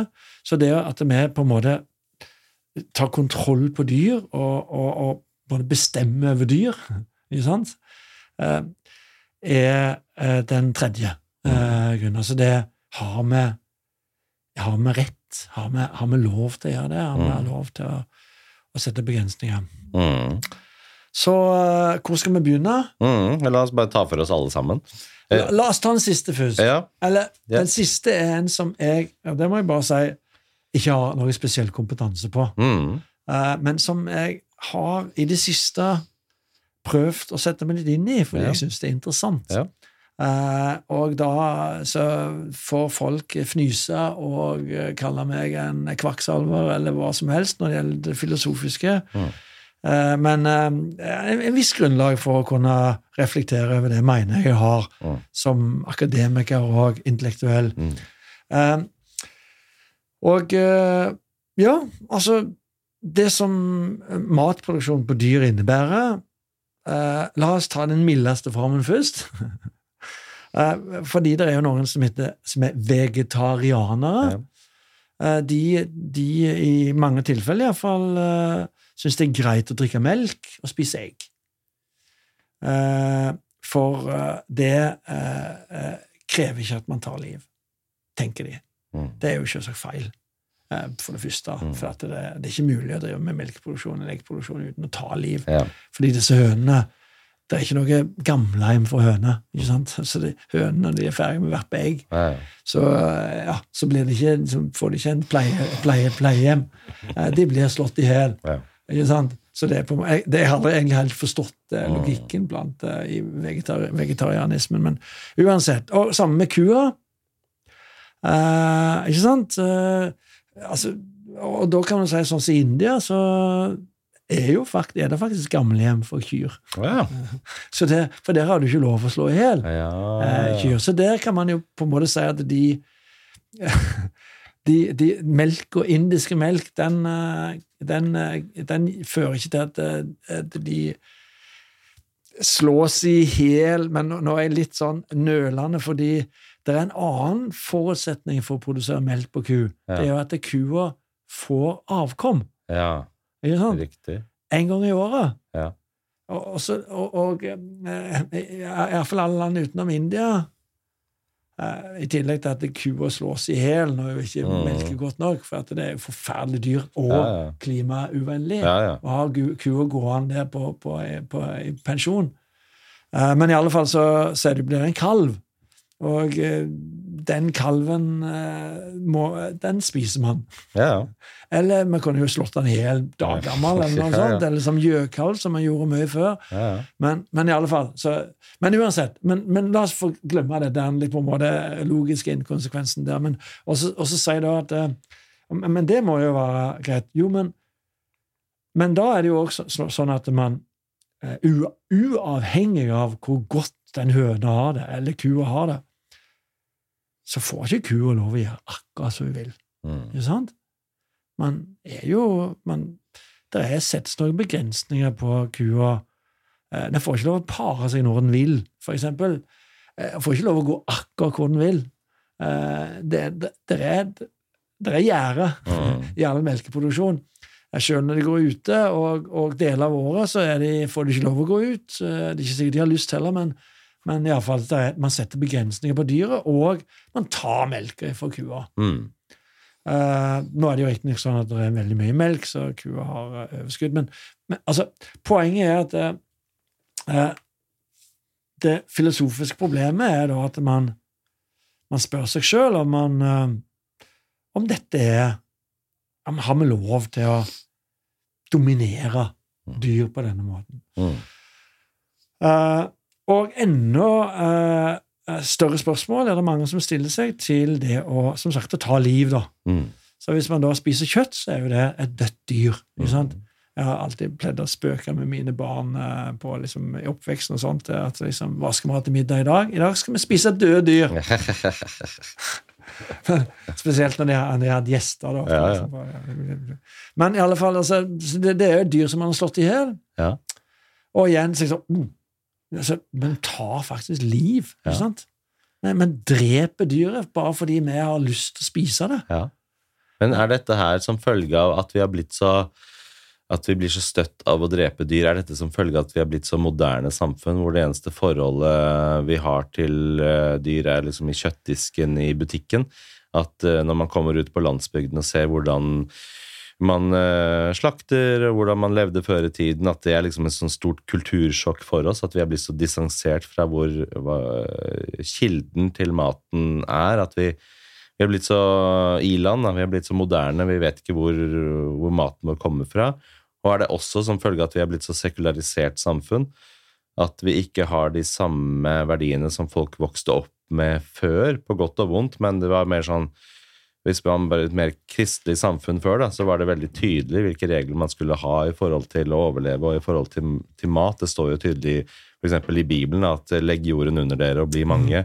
Og det står også at menneskene skal nettopp dominere dyrene. Ja, og at det er greit å ta livet av dyr for å spise. Og Da hadde man liksom oppskriftene. Var det, ja, ja, men det står jo der. Ok, da kan vi gjøre det. Det bør ikke sitte og, og vurdere og filosofere rundt det, for det står i boka. Mm. Det er greit, da. Ja. At vi har blitt mer sekulariserte siden da, og så da begynner man å stille spørsmålstegn ved det. At det er først nå at det på en måte er Da kommer det opp for debatt. Det er ting som ikke har vært oppe for debatt før. Og så en tredje ting er at nettopp det overflodssamfunnet da, som vi lever i. At uh, Før så var det mer sånn Oi, vi har, vi, har, vi har en gris vi kan slakte. Oi, da overlever vi i dag også, da. Oi, et lam, så bra. Da overlever familien. At da var det var ikke noe etiske hensyn. Det var, skal jeg overleve den dagen eller ikke? Det er ikke sånn sitte og vurdere om eh, lammet skal få leve eller ikke. Det er, nei, men jeg spiser, så overlever jeg. Det Spiser liksom- ikke, så dør jeg. Ja, det var liksom meg eller grisen. Ja, ja. Sant? Det var ganske så, lett. Og, og, så, derfor så var det jo så, så derfor er det riktig at det er på en måte mer naturlig å stille spørsmål i dag, Mm, når, det ikke er, når vi ikke er i den situasjonen. mm, Um, så og, så det, det, det syns jeg det er et godt spørsmål, og et virkelig et spørsmål som er verdt å stille. mm. Eh, men samtidig som det er da eh, viktig da å ikke bare liksom stille spørsmål Oi, jeg slår i hele dyr, og så tenker jeg nei, det kan, ikke, det, kan, det kan ikke være greit. Mm. Og så gå litt lenger. Ja, men hvorfor er det ikke, er det ikke greit? Ja, ja. Og det er faktisk altså, filosofiske retninger um, Eller jeg har til og med tolka det sånn, det er mulig at filosofer vil arrestere meg her, men jeg har tolka det slik at uh, uh, det å slå i hjel ikke nødvendigvis er filosofisk problematisk. Mm. At det å slå i hjel dyr, må jeg på, for, for legge til Det å slå i hjel Mennesket Mm. er problematisk filosofisk, men det å slå i hjel dyr er ikke det. Mm. Og, og hvordan kommer man til denne konklusjonen? Jo, eh, det er rett og slett fordi eh, et menneske Hvorfor er det ikke greit å slå i hjel et menneske hvis det er greit å slå i hjel et dyr? Mm. La oss begynne det. Et menneske, meg og deg, vi er eh, selvbevisste. Vi har eh, det som kalles eh, theory of mind. Jeg husker ikke det norske begrepet på det. Men vi er vi, er, vi kan abstrahere. Vi kan intellektuelt altså Vi kan mentalt reise i tiden. Mm. Vi reis- kan reise tilbake når som helst. Så kan, jeg, kan du gjenkalle barndommens spesielle øyeblikk og, og liksom, liksom reise tilbake til ting som har vært. Samme måten kan vi reise i framtiden mentalt. Vi kan tenke på neste uke, da ja, det må begynne å bli ferie, ikke sant? Åh, faen, jeg gleder meg til ikke sant? Altså, så, så med, Det kan ikke dyr, Mm. tror man. Mm. Uh, igjen, tror man. Ja, ja. Men fordi det krever altså en så høy intellektuell kapasitet som man antar at det bare dyret Homo sapiens har. Mm. Uh, og, og, og fordi, fordi Og derfor har vi altså, vi har en bevissthet om at vi lever, og at det er en dag i morgen. Så hvis jeg nå slår deg i hjel så uh, Kanskje litt brutalt eksempel, men det, og jeg har ikke overhodet planer om det. Jeg er en fredelig fyr. Jo, jo. Men, men så, så frarøver jeg deg det, en verdien du har vært bevisst om, Ja. om. Nettopp den bevisstheten om at du har at du skal ha en sommerferie, eksempel. Ja. Da har jeg, da har jeg tatt den ifra deg. Mm. Et dyr som lever i nuet, Mm. det har ingen bevissthet om morgendagen. Så, så, så logikken er da at når da slår det det her dyret i hjel, og forutsetter at de slår det i hjel på en ekstremt eh, smertefri måte, Mm. som er nesten umulig, men eh, iallfall teoretisk mulig, ja, så, så tar jeg ikke fra en verdi som dyret er bevisst å ha. Mm. Altså, det vet ikke at det har et liv. Mm. si det sånn. Ja, ja. Det vet ikke at det skal dø. Og, og kombinert med da at eh, vissheten om at alle, det dyret, ville jo uansett dødd ja, en gang. Så det, det er ikke noe det er ikke, er ikke noe det, altså, Du endrer ikke på noe på det fundamentale i det dyret. Så faktisk så er på mange måter det filosofiske spørsmålet, slik jeg har forstått det, og, og, om det å ta liv, det er det enkleste. Mm. Det er helt greit. Mm. Det er helt greit å ta liv. Eh, ja, ja. av dyr. Ja. Av dyr. Det er helt greit. Men jeg tenker det er viktig, fordi jeg tror det handler om dette med verdihierarki også. ja. Etter hvert som vi blir mer sekularisert, så er alle verdier er liksom flate, helt flat struktur. Ingenting er viktigere enn noe annet. Alt er bare sånn relativistisk. Det blir sånn moralsk eh, relativisme. da, At det blir bare opp til deg selv hva du syns er viktig, hva noen andre syns er viktig, kan være opp til dem. Det er ikke noe system på det lenger. Så jeg tenker det nettopp er viktig å ha et verdihierarki, at noe må være mer verdt enn noe annet. Noe må være viktigere enn noe annet. Noe må prioriteres høyere opp i hierarki enn noe annet, ellers så har du ingen verdier. Hvis alt er like mye verdt, så er det helt verdiløst. da. Sånn at du må ha La oss si, det reflekteres jo i lovene våre. Hvis du står på en strand og ser et eh, menneskebarn på fem år holde på å drukne, og du ser en eh, gris rett ved siden av som holder på å drukne, så kan ikke du bare stå der med moralsk relativisme og si hm, hvem skal jeg redde i dag, skal jeg gå for grisen eller menneskebarnet? Jeg tror jeg går og redder grisen, ja, og lar menneskebarnet drukne, fordi det er mitt verdisystem. Da blir du straffet i, i en rettssak fordi du ikke vil redde et menneske. Mennesket er mer verdt enn en gris er verdt. Sånn er det bare liksom, i systemet vårt. Og jeg tror det vil gjenspeiles og reflekteres i de fleste menneskers iboende, naturlige, moralske oppfatning som vi har med oss, som ikke nødvendigvis er lært fra noe sted. Så jeg tror det- vil bli en sånn konflikt med de aller fleste mennesker hvis du redd, velger å redde en gris fra en brennende bygning og ikke et menneskebarn. Altså, jeg tror det er ganske universelt. sånn at jeg tror vi må ha en erkjennelse for at noe er mer verdt enn noe annet. Mm, mm. Og så en annen ting er det med at um, Det er også det med å drepe dyr på en human måte, da, kan du si, med jakt f.eks. Er jo mer humant for en elg eller et rådyr å bli drept av et uh, godt truffet rifleskudd enn å bli drept på naturlig måte av å bli spist av en ulv eller noe sånt, og bli spist levende nærmest. Så er det mye bedre måte å dø på å faktisk bli truffet av et geværskudd fra et menneske. Så, så det er mer humant. Og så er det også det med at vi må holde bestanden nede av enkelte dyr. Ellers så blir det altfor mange av dem. så er det også noe viktig med jakt. Så det er mange elementer der som folk glemmer. Hvis man bare har det fokuset på å liksom, være snille, alle er like mye verdt. liksom. At det er et naivt bilde da, av det. Eh, og så kom jeg en siste ting. Jeg kom over også um, driver og, og leser um, Eller hører på en podkast noen som går igjennom Bibelen. da. Uh, går gjennom setning for setning, ord for ord. Jeg syns det er litt sånn spennende. uh, å Jeg har hørt om den. Ja, Eh, Noen på Universitetet i Agder? ja den, den der også. Den har jeg også begynt å høre på. Ja, ok. Um, eh, dette er Jordan Peterson som går Jordan gjennom Peterson. det med åtte-ni forskjellige sånn, eksperter Mm. og teologer og Ja, ja. folk som har veldig dybdekunnskap. Da. Og da snakker de om at uh, de fleste tenker på det med, i Bibelen at det står 'du skal ikke drepe'. Men det står ikke det egentlig. Hvis du går tilbake til den opprinnelige teksten, så står det 'du skal ikke myrde'. Og forskjellen på det at du skal ikke drepe, det Ja, det er veldig viktig. ja, forskjell. ja, ja, for folk tror at vi skal ikke drepe noen, og det står og liksom, har Alle lært, lært det, men det er to forskjellige ting. Ja. Eh, skal Semantikken er viktig. ja, og myrde er å med overlagt eh, og bevisst handling planlegge å gå og drepe noen bare for Ja. moro skyld. Ja, ja, Eh, Så du skal ikke myrde noen, men Mm. å drepe er f.eks. selvforsvar, ja. eh, dyr, Mm, ikke sant, mm, i krig. Det er, mm, det er moralsk greit å drepe, så lenge det ikke handler om å myrde med overlegg. Mm. Så det er en viktig distinksjon, det der, som folk flest ikke tenker på. Absolutt. Og, og, og det, det, altså, det, det, det altså, eh, eh, altså eh, det, eh, altså, Dyrevernorganisasjoner er jo veldig De, de liksom kaller det spesiesisme. ikke sant? Altså, det at Mm. man som løfter mennesker opp og sier det er noe spesielt, og andre dyr og, Mm. er mindre verdt. ikke sant? Og de Ja. syns det er veldig feil. Og, eh, eh, og det er jo Emalien Kant var jo en viktig eh, liksom bidragsyter til denne såkalte pliktetikken, der Mm. bare moralske vesen har eh, har på en måte har vi et moralsk ansvar for, eh, Mm. så videre.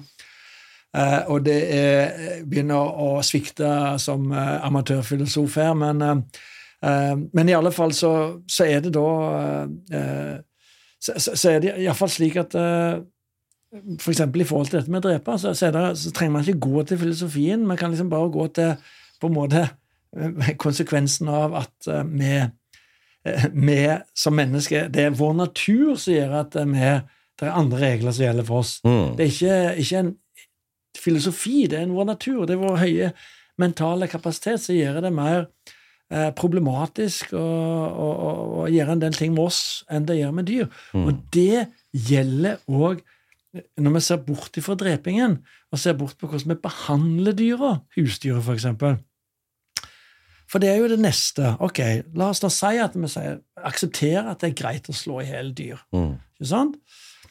Men eh, det betyr jo ikke at det er greit å produsere mat på dyr, for det er jo avhengig av om hvordan dyra har det mens Mm. de vokser, eller mens de produserer mat. ikke sant? Um, og da er det jo altså, Uansett så tar vi fra dem noe som de ville hatt. Um, og, og, og, og, det, det, Nå begynner det å bli mye vanskelig, for da er det jo spørsmålet um, hva, Første fundamentale spørsmålet Hvis vi i det hele tatt tar ifra dem noe, er det greit? Noen sier nei. Eh, la oss ta det først. Og da er, vil, vil mitt på en måte pragmatiske motargument være at uh, Ja, men du nevnte jo elgen, for eksempel. Mm. Det, uh, og skyting. Det er egentlig det, det er et veldig godt eksempel på dreping. Men, men du kan si da at hvis man Altså, hva, det kommer an på hva man sammenligner med. Altså, hvor godt eh, Om dyret har det godt eh, eller godt nok. eh, da må man se på hele systemet, og så må man sammenligne med noe. Eh, og, og mitt, mitt argument der vil jo være at eh, eh, for det første, så lenge dyrene har det generelt godt i fangenskap, altså i dette systemet vi setter de inn i, grisen i en binge, for eksempel, så eh, altså, hvis- de har det bra der, hvis de koser seg der, så kan det jo ikke være noe problem. Mm. Sant? Hvis de liksom Wow, dette er liksom Hvis de hadde kunnet tenkt sagt at bah, faen, jeg har det så bra. Mm. Mat som jeg vil spise. Passe varmt. Ikke sant? ingen ulver eller noen eh, som liksom skal plage meg, og eh, veldig lite sykdommer, ikke sant? Og det er jo faktisk realiteten i et grisehus. Altså alt det der, på en måte. Eh, og, og, og, da, eh, og da tenker jeg at eh, For det første ja, altså, Hvis det er sånn, hva er problemet? Mm. Og så tenker jeg òg Hvis man da sier det er sånn hvis, La oss si det er sånn. Hva, altså det, mest, det mest logiske å, å sammenligne med er jo en villsvin. Altså grisen, hvis den har vært et villsvin uten naturen. Hvilket liv er best? Grisens i bingen eller villsvinet i skogen i, mm. i Østfold? Mm. Og mitt klare svar, og jeg mener det, da, da er det ikke filosofi lenger, det er på en måte biologikunnskap som Mm. gjelder. Og mitt, min, min påstand skal det en påstand, Mm. for at, eh, jeg har ikke regna nøye på det, men min påstand vil være at uh, grisen i bingen har det så utrolig mye bedre. Mm. Altså, villsvinet, og spesielt uh, de ulykkelige villsvinene som har rota seg helt opp her, her i kalde nord, Mm. de hutrer og fryser hele vinteren. De sulter. De eh, blir revet i filler, spist levende av ulver i ny og ne. Eh, de får all verdens sykdommer, mangelsykdommer. Eh, 80-90% av grisungene dør eh, før de blir voksne. ikke sant? Eh, altså før de eh, På veldig tidlig stadie. Og når de dør, så er det lidelsesfulle, langdryge, svelte i hjel, lidelsesfulle eh, altså sykdommer eller skader. ikke sant? Slepe seg rundt med, på tre bein til de eh, ikke klarer mer. ikke sant? Det mener jeg må jo være åpenbart. Og, og, og det, det, det gjør at jeg på en måte Hele det med naturlige livet som et ideal er ekstremt merkelig for meg. vi har en sånn automatisk feilslutning om at å, naturlig er så bra. Ja. Naturlig liv, det må være fantastisk. Ikke sant? Men så glemmer vi det der realistiske bildet av hvordan det egentlig er der ute er i naturen. helvete der Ja. ute i naturen. ikke sant? Det, er- det er, men det betyr ikke at det, det betyr ikke at de, Jeg sier ikke at dyrene i, i skogen har det nødvendigvis dårlig, for de tenker jo ikke på Nei, nei. om de har det bra eller dårlig. Mm. De bare lever. Men det er brutalt. Naturen Det er er, brutalt. brutal. Veldig brutalt. Eh, og, og, og, så sånn sett så, så vil min påstand være, gitt at grisen har det bra, og vi skal komme tilbake til det, Mm. eh, så mener jeg at det på en måte på sett og vis kan argumenteres for at vi burde egentlig utrydde villsvinet. liksom, Heller altså, altså spart denne forferdelige altså, det, Dette mener jeg ikke. Ja, ja. Det, men, men altså, bare for å trekke- bare for å ta det veldig langt, da. Eh, men så er jo spørsmålet ja, men har grisen det bra. Mm. Altså, eller er det sånn at grisen de går i en binge som nok er større enn dette rommet her? Jeg vet faktisk ikke nøyaktig hvor store Mm. bingene er. Kanskje fem ganger fem meter, eller noe Mm. sånt. Og det er, det er noe rotemateriale der. Det har blitt krav nå, og nei, ellers ikke så veldig spennende. Mm. Um, men det, det som er riktig, det er at det er lite, veldig lite sykdom. Ja. Det er veldig lite skader. Mm. Eh, eh, de svelter ikke, de Mm. fryser ikke, eh, og eh, ja, så alt det der på en måte det som kalles primærbehov, Mm. er dekka. Ja. Eh, Hva med sånne lykkelige griser som går rundt og, ute på grønn åker og trives, eller i binger eller utendørs og sånn? Er, det- Ja. er det mye av det? Er det sånn, hvis du kjøper økologisk kjøtt, er det da glade, lykkelige, eh, frie griser, liksom? Eller er det stort sett samme type produksjon uansett, bare at de får litt økologisk fôr isteden? ja, altså Og, og, og, og her kommer vi på, her kommer på, på en måte eh, det er på en måte pragmatiske ting, for la oss Mm. kalle det sånn. da.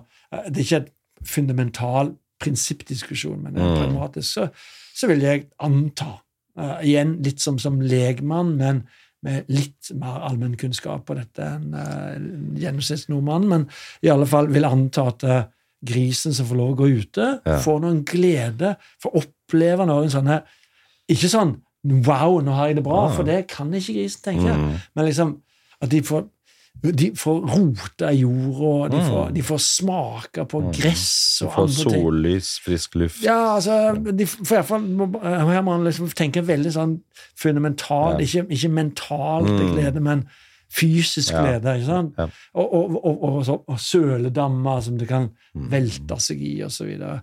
så at de eh, opplever noen gleder som en gris og en binge ikke opplever, det tror jeg nok. Og kanskje til og med mulighet til å ha det enda bedre enn i Mm. bingen. Men så må man også huske på det er også noen eh, Det er mer skader. Mm. Ikke sant? Høyere dødelighet. Så det er en kostnad òg med å gå ute. Det er et mer risikabelt miljø. ikke sant? Mm. Det er mer sykdommer, mer bakterieinfeksjoner, Ja. eh, og større smågrisdødelighet Ja. og, og så videre. Eh, ja, så, så, så sånn regnestykket er ikke så enkelt. Men, men poenget er da at eh, mange vil da si mange vil da si at eh, ja, alt jeg nevnte er greit nok, de vil kanskje akseptere det, men så vil jeg si ja, men så kjedelig den grisen har i den bingen. mm. Eh, den kan ikke ha det bra. Men da driver de med det som heter antropomorfisme. Mm. Som er, vet du Ja, kjenner ja. til begrepet? Tillegge dyrene menneskelige egenskaper. Ja. Mm. De, de, de på en måte projiserer seg sjøl inn i grisens kropp. Ja. Altså, tenker, hvis jeg var en gris, så hadde jeg kjeda vettet av meg. Mm. eh, Ikke sant? Ja. Og da glemmer de at kjedsomhet Mm. er et abstrakt begrep. Mm. Det er på en måte det, det, for, det, det er et abstrakt begrep. Det forutsetter evne til abstrakt tenkning. Det, det, det forutsetter faktisk å ha et ordforråd. ikke sant? Mm. Altså, Hele tenkninga Dette er veldig fascinerende å tenke på. Altså, Tenkning krever jo på en måte en slags eh, krever et ordforråd. ikke sant? Ja, ja. Men, men i alle fall så, så, så Man glemmer det at, det, at det grisen lever bare i nuet. Den den er bare i i tiden. Ja. Den kan ikke reise i tid sånn som jeg kan. Ja, ja. Tror du dette er en sånn følge av at vi i samfunnet nå er så opptatt av empati, og det er jo fint nok, det, men vi er så vant til å liksom, vi skal sette oss inn i andre situasjoner, empati, at vi da bare automatisk overfører det til dyr også, og tenker hva hvis det var jeg som var i den bingen og gikk rundt i søla? At vi glemmer det der Oi, vent litt, det, det er ikke et menneske. Det er, det er dyr. Vi hopper over den biten. Helt klart. Mm. Det helt klart. Mm. Jeg leste eh, ei- bok i påsken som uh, heter Animal Mind Mm. av uh, uh, Andrew Andrews. Ja, Samme kan det Mm. være. En professor på et universitet i Canada. Og det var veldig interessant. Og, og uh, hun, uh, hun forklarer uh, dette og som er det veldig vanlig feil å gjøre, selv blant folk som jobber med Mm. dyrevelferd. Mm. Det blir så lett å falle i den fellen. ikke sant? Mm. Og man og vil, vil si at vi delvis gjør det. For eksempel så er det mange som forlanger da I grisehus, eksempel. eh, Grisehus har vindu stort sett, men i kyllinghus det bør iallfall være vindu, da, Mm. så dyrene kan se Ja, ja, ja, ut. ikke sant? Og så, og så tenker de Og, og da, da, da, da tenker man veldig Det er jo trivelig å se ut, liksom. Iallfall se ut og se, se på. Men så glemmer man at en kylling, for eksempel, da, i dette tilfellet eh, Altså som, som aldri har opplevd noe annet enn dette huset. Det gjelder jo for så vidt grisen òg. Har ingen forhold til omgivelsene. Nei, nei. Eh, og eh, faktisk Det kan til og med tenkes at det, det vinduet er, skaper utrygghet. Ja. Ikke sant? Eh, For eksempel så er det instinktet selv hos moderne kyllinger. Ja. Ser de en falkesilhuett, Ja. så blir de veldig redde. Ja. Jeg har høner hjemme, så jeg vet det. De går rundt og tripper i Ja. og sånt. Så de har den, denne instinktet alene. Og- Og samme hvis det da flyr en, en fugl forbi utenfor, så blir kyllingen redd. Ja. Ja, ja, ja. Men og, og- man da tenker 'oi, så fine soler var', det var ja. koselig. Så, så det, det er jo Så det vi tror vi har, vi tror vi har så mye empati med dyrene. Det er ikke det, det er sympati for dyrene, for vi liksom ser på dem selv som oss. Mens empati hadde jo vært å faktisk sette seg inn i deres ståsted ut fra deres utgangspunkt. ja, ja. Noe som, vi ikke, som er vanskelig kanskje for mennesker, for vi, vi, er så, vi er så skrudd på til å tolke ut fra et menneskelig perspektiv. Mm, mm, mm. At vi tenker ja, liv er liv, eh, dyr er dyr, og, og det, er, det er det samme for mennesker eller dyr. Kanskje burde hatt en iPad der, så det har noe å gjøre. da, Kanskje en TV, kanskje noen bøker. Altså, Oi, nei, men det er et dyr, ja. Ja, ja, ja. Og så er det også den der feilslutningen med at, eh, det er så mye lettere for oss å ha medfølelse for dyr som ligner på oss selv. Ja, ja, ja. Så i forhold til en fisk nei, det, For det, vegetarianere det avslører han, ikke Ja, ja, vegetarianere, det går bra. Det er bare å fiske en fisk, kappe en hue. Ja, men det er bare en fisk. Ikke sant? Og jeg går på maur på vei bort til å kjøpe den avokadoen der. Jeg tråkker på alle de maurene. Det er ikke så nøye. Fordi det er mindre skala, så det går bra.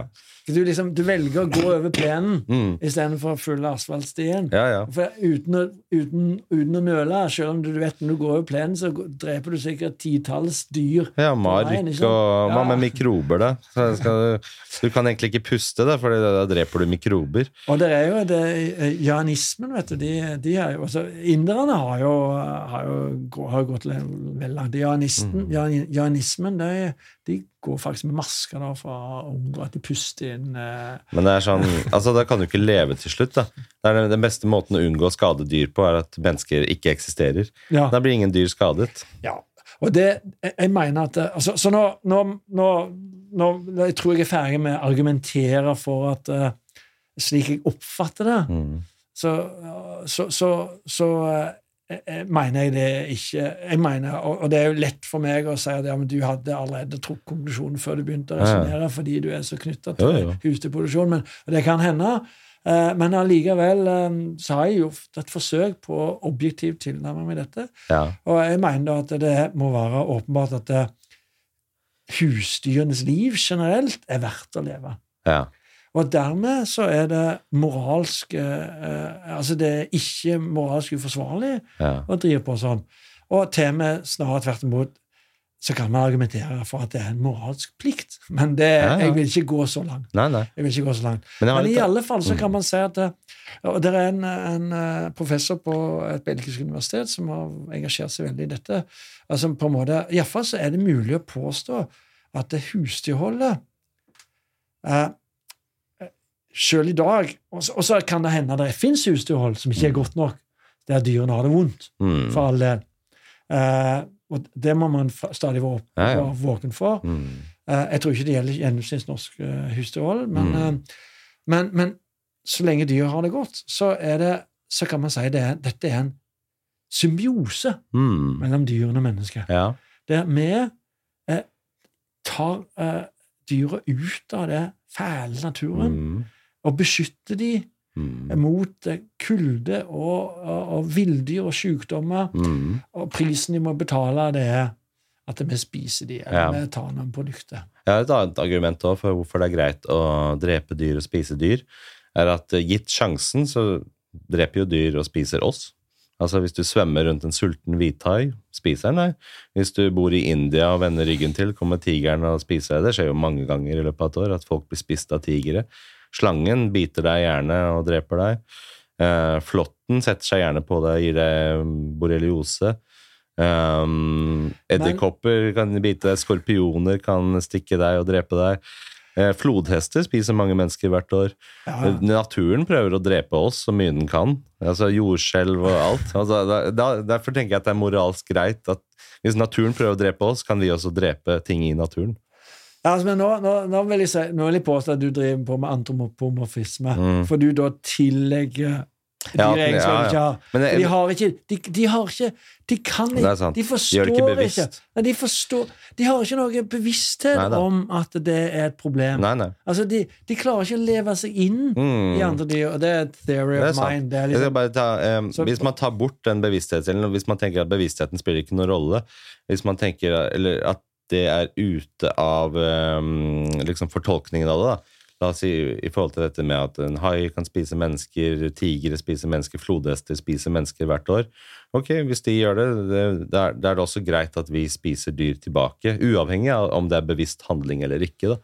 At det er bare sånn kretsløpet er. Dyr kan spise mennesker, mennesker spiser dyr. Det er det som, det er det som skjer, liksom. Det er det som foregår. Uavhengig om det er villet eller bevisst handling eller ikke. ja, altså, det er jo ikke tvil om at uh, mennesket er en omnivå. Mm. Altså, vår natur, det ligger i vår natur Mm. å spise dyr. Mm. Uh, Vi, vi, jo, altså, vi klarer oss ikke på en Vi, er ikke som ei, vi, klarer, vi, vi kan ikke som ei ku Mm. leve som veganer Nei, nei. Uh, uten med hjelp av vår intellektuelle kapasitet Mm. og, og, og moderne kjemi. Mm. Ikke sant? Så, eh, Ja, så, så, så det er jo eh, så, så derfor mener jeg at det er fundamentalt sett en misforståelse å, å avvise bruk av dyr eh, e- ut fra et etisk standpunkt. Mm. Peter Singer, som er såkalt utilitarist, Mm. filosofiprofessor og en veldig stor helt i dyrevernsmiljøet, Mm. han mener jo òg faktisk det. Og han går til med så langt at han mener det kan til og med argumenteres for, logisk, for at eh, hvis dyrene har det bra, Mm. så er det faktisk, har vi nesten har vi, han hva skal jeg mene, har vi moralsk plikt til å ha så mange dyr som mulig. Mm. Okay. For det øker lykken. Mhm. Så det, det er utilitarismens Ja, ja. eh, på en måte maksimere Mm. lykke ganger antall eh, individer som opplever lykke. Ja, ja, ja. Men, men det, så det, det blir absurd for meg. eh, Så alt blir absurd egentlig på filosofien. På en måte på et eller annet tidspunkt når du stikker fingeren i jorda. og så må du ja. på en måte være praktisk her. Eh, Men, og, og, og for all del, jeg mener jo òg at mennesket som et tenkende, empatisk dyr Jeg liker å kalle mennesker dyr. Mm. Jeg mener, jeg mener pr prinsipielt sett så er det ikke noe forskjell på, Mm. på mennesker og andre dyr. Mm. Vi har en stor hjerne. Ekorn er flink til å klatre. Ja, ja. Eh, Men, men altså uh, uh, uh, Hva var det jeg skulle si nå? Nå kom, kom, falt jeg av. Mm. Men i alle fall så, så er, det, er det greit å, å, å drive med dyr. Men Mm. vi skal absolutt, fordi vi har empati, sørge for at dyrene ikke, altså, Hvis dyrene kan få det bedre, Ja, ja. så skal vi gjøre det. Mm. Men så lenge de har det godt nok, altså så Mm. lenge de har det allerede bra, Ja. så er det lov òg å, å tenke på kostnaden. Ja. Ikke minst eh, fordi Mm. vi må tenke på andre eh, hensyn, f.eks. Ja. bærekraft. Mm. Og, og det er jo faktisk et, et, det er to store mot, altså det, motstridende interesser her er veldig ofte dyrevelferd mot bærekraft. Mm. Den grisen som går ute og roter i jorda, den spiser masse mer soya fra eh, Brasil. Mm. Eh, og, og er med mindre bærekraftig produksjon. Det har Mm. mye høyere klimagassutslipp Mm. enn en den grisen som går i en binge inne. Jeg tror vi skaper så mange problemer for oss selv også i, i overflodssamfunnet, i-landet i 2023. For vi har så mange alternativer. Vi har sånn mulighetsparalysering. Det Ja. fører til, Hvis du spoler tilbake til 1810, så var det liksom Skal du overleve eller ikke? Skal du spise den sauen eller ikke? Det var ikke noe sånn hm, La meg sette ned og vurdere de etiske problemstillingene rundt om jeg burde jeg slakte et dyr eller ikke. Det var sånn Nei, jeg skal, jeg skal spise i dag, jeg skal overleve.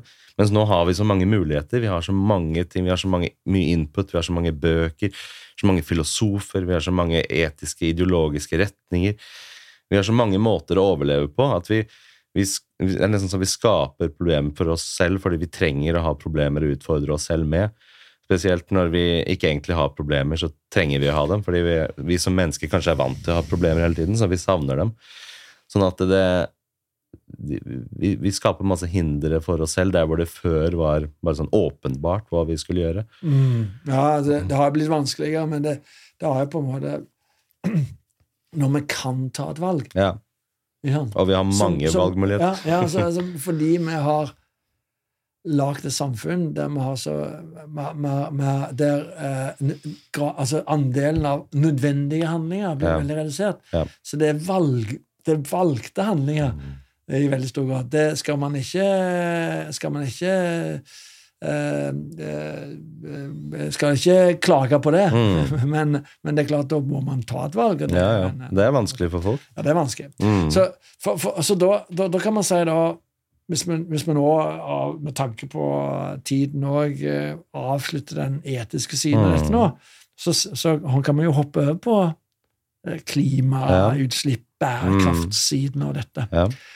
Og da er det jo, eh, er det jo en kritikk av uh, animalsk eh, matproduksjon. Jeg sier animalsk bevisst, for jeg skiller egentlig ikke mellom laks og kylling. Mm. Altså Det er på en måte samme prinsippet for begge. Ja.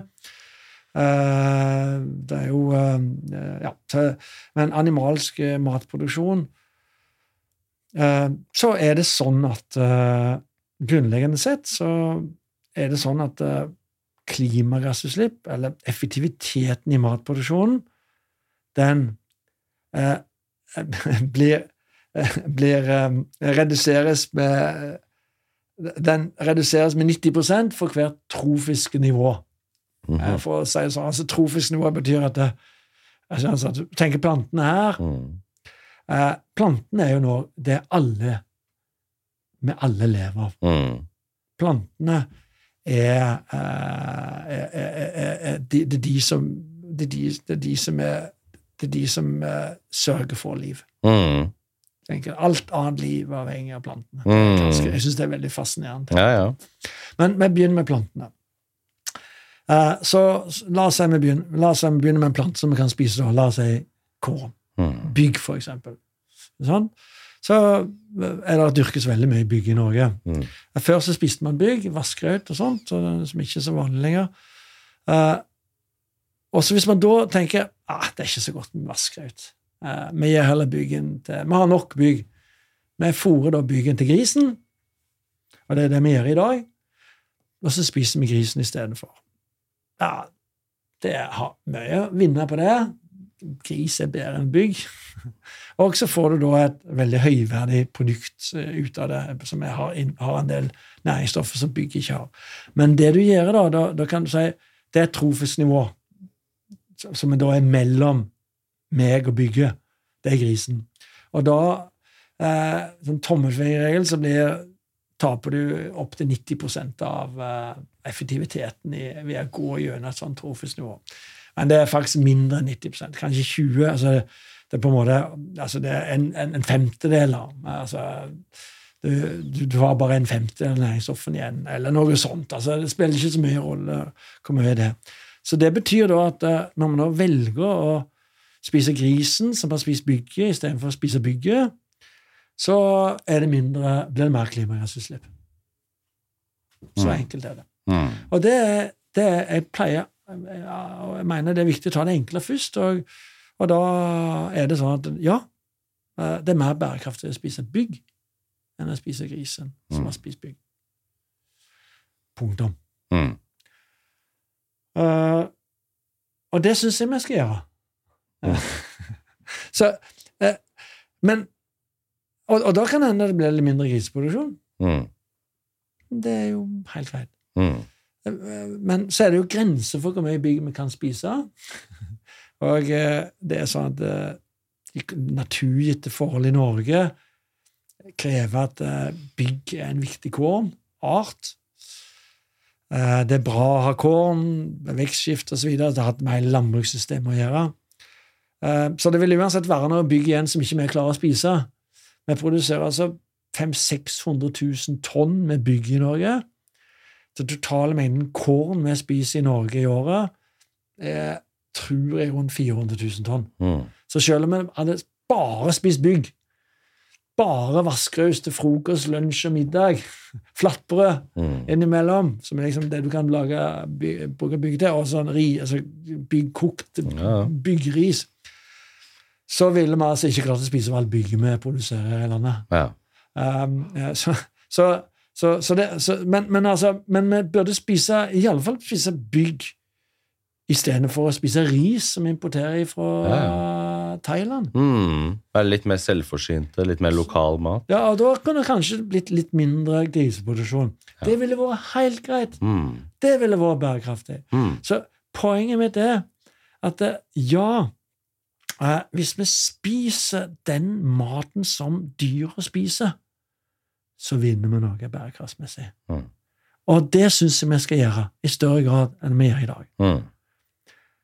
Problemet er, og og det er problemet slik eh, tenkningen rundt de nye kostholdsrådene er òg, så er det ikke sånn at det er klart formulert. Jeg tror ikke engang man har dessverre vært bevisst på det. Man tenker bare da at eh, vi kutter ut grisen, som dessverre karakteriseres som rødt kjøtt, men vi kutter ut grisen, eller spiser mye mindre av den. Men så anbefaler jeg ikke at man skal spise da bygg istedenfor. Mm. Man bare anbefaler å spise vegetabilsk Mm. som blir da så- som blir andre ting som er like godt som, Ja, ja. som, som svin. Det kan hende det går i nullen med klimaregnskapet der uansett. Du spiser, Det det. «Oi, jeg skal spise masse avokado jeg, som er på fly og CO2. Og, men egentlig så blir det mer utslipp pga. at Det du kan- blir vegetarianer. Det kan til og med bli Mm. Altså, det kan det. det, kan det. Mm. Men, eh, og, og, og konsekvensen vil være at eh, eh, landbruksproduksjonen i Norge går ned, og, Mm. og, og, og på en måte vi er mer avhengig av importert mat. Eh, det flotte kulturlandskapet på Østlandet eh, vil gradvis gro igjen. og Det er jo det, er det minste problemet, men vi vil altså være mindre selvforsynt. Det vil ha store økonomiske konsekvenser. Bygdene vil bli lagt øde Mm. videre og så. Så, her er man rett og slett ikke, har ikke, liksom ikke forstått det grunnleggende godt nok. Og det er jo det som er, har vi eh, disse, denne store gruppa av nordiske forskere som har jobba med dette, hvis det er over 200, de har en, en, altså Det har vært eh, en dramatisk mangel på folk med kompetanse i primærproduksjon, i matproduksjon. Så de har ikke forstått disse tingene her. Så de har, det har blitt det på en måte forenkla. Så er det jo sånn da at eh, den, det dyret som har det høyeste klimautslippet, er jo kua. Mm.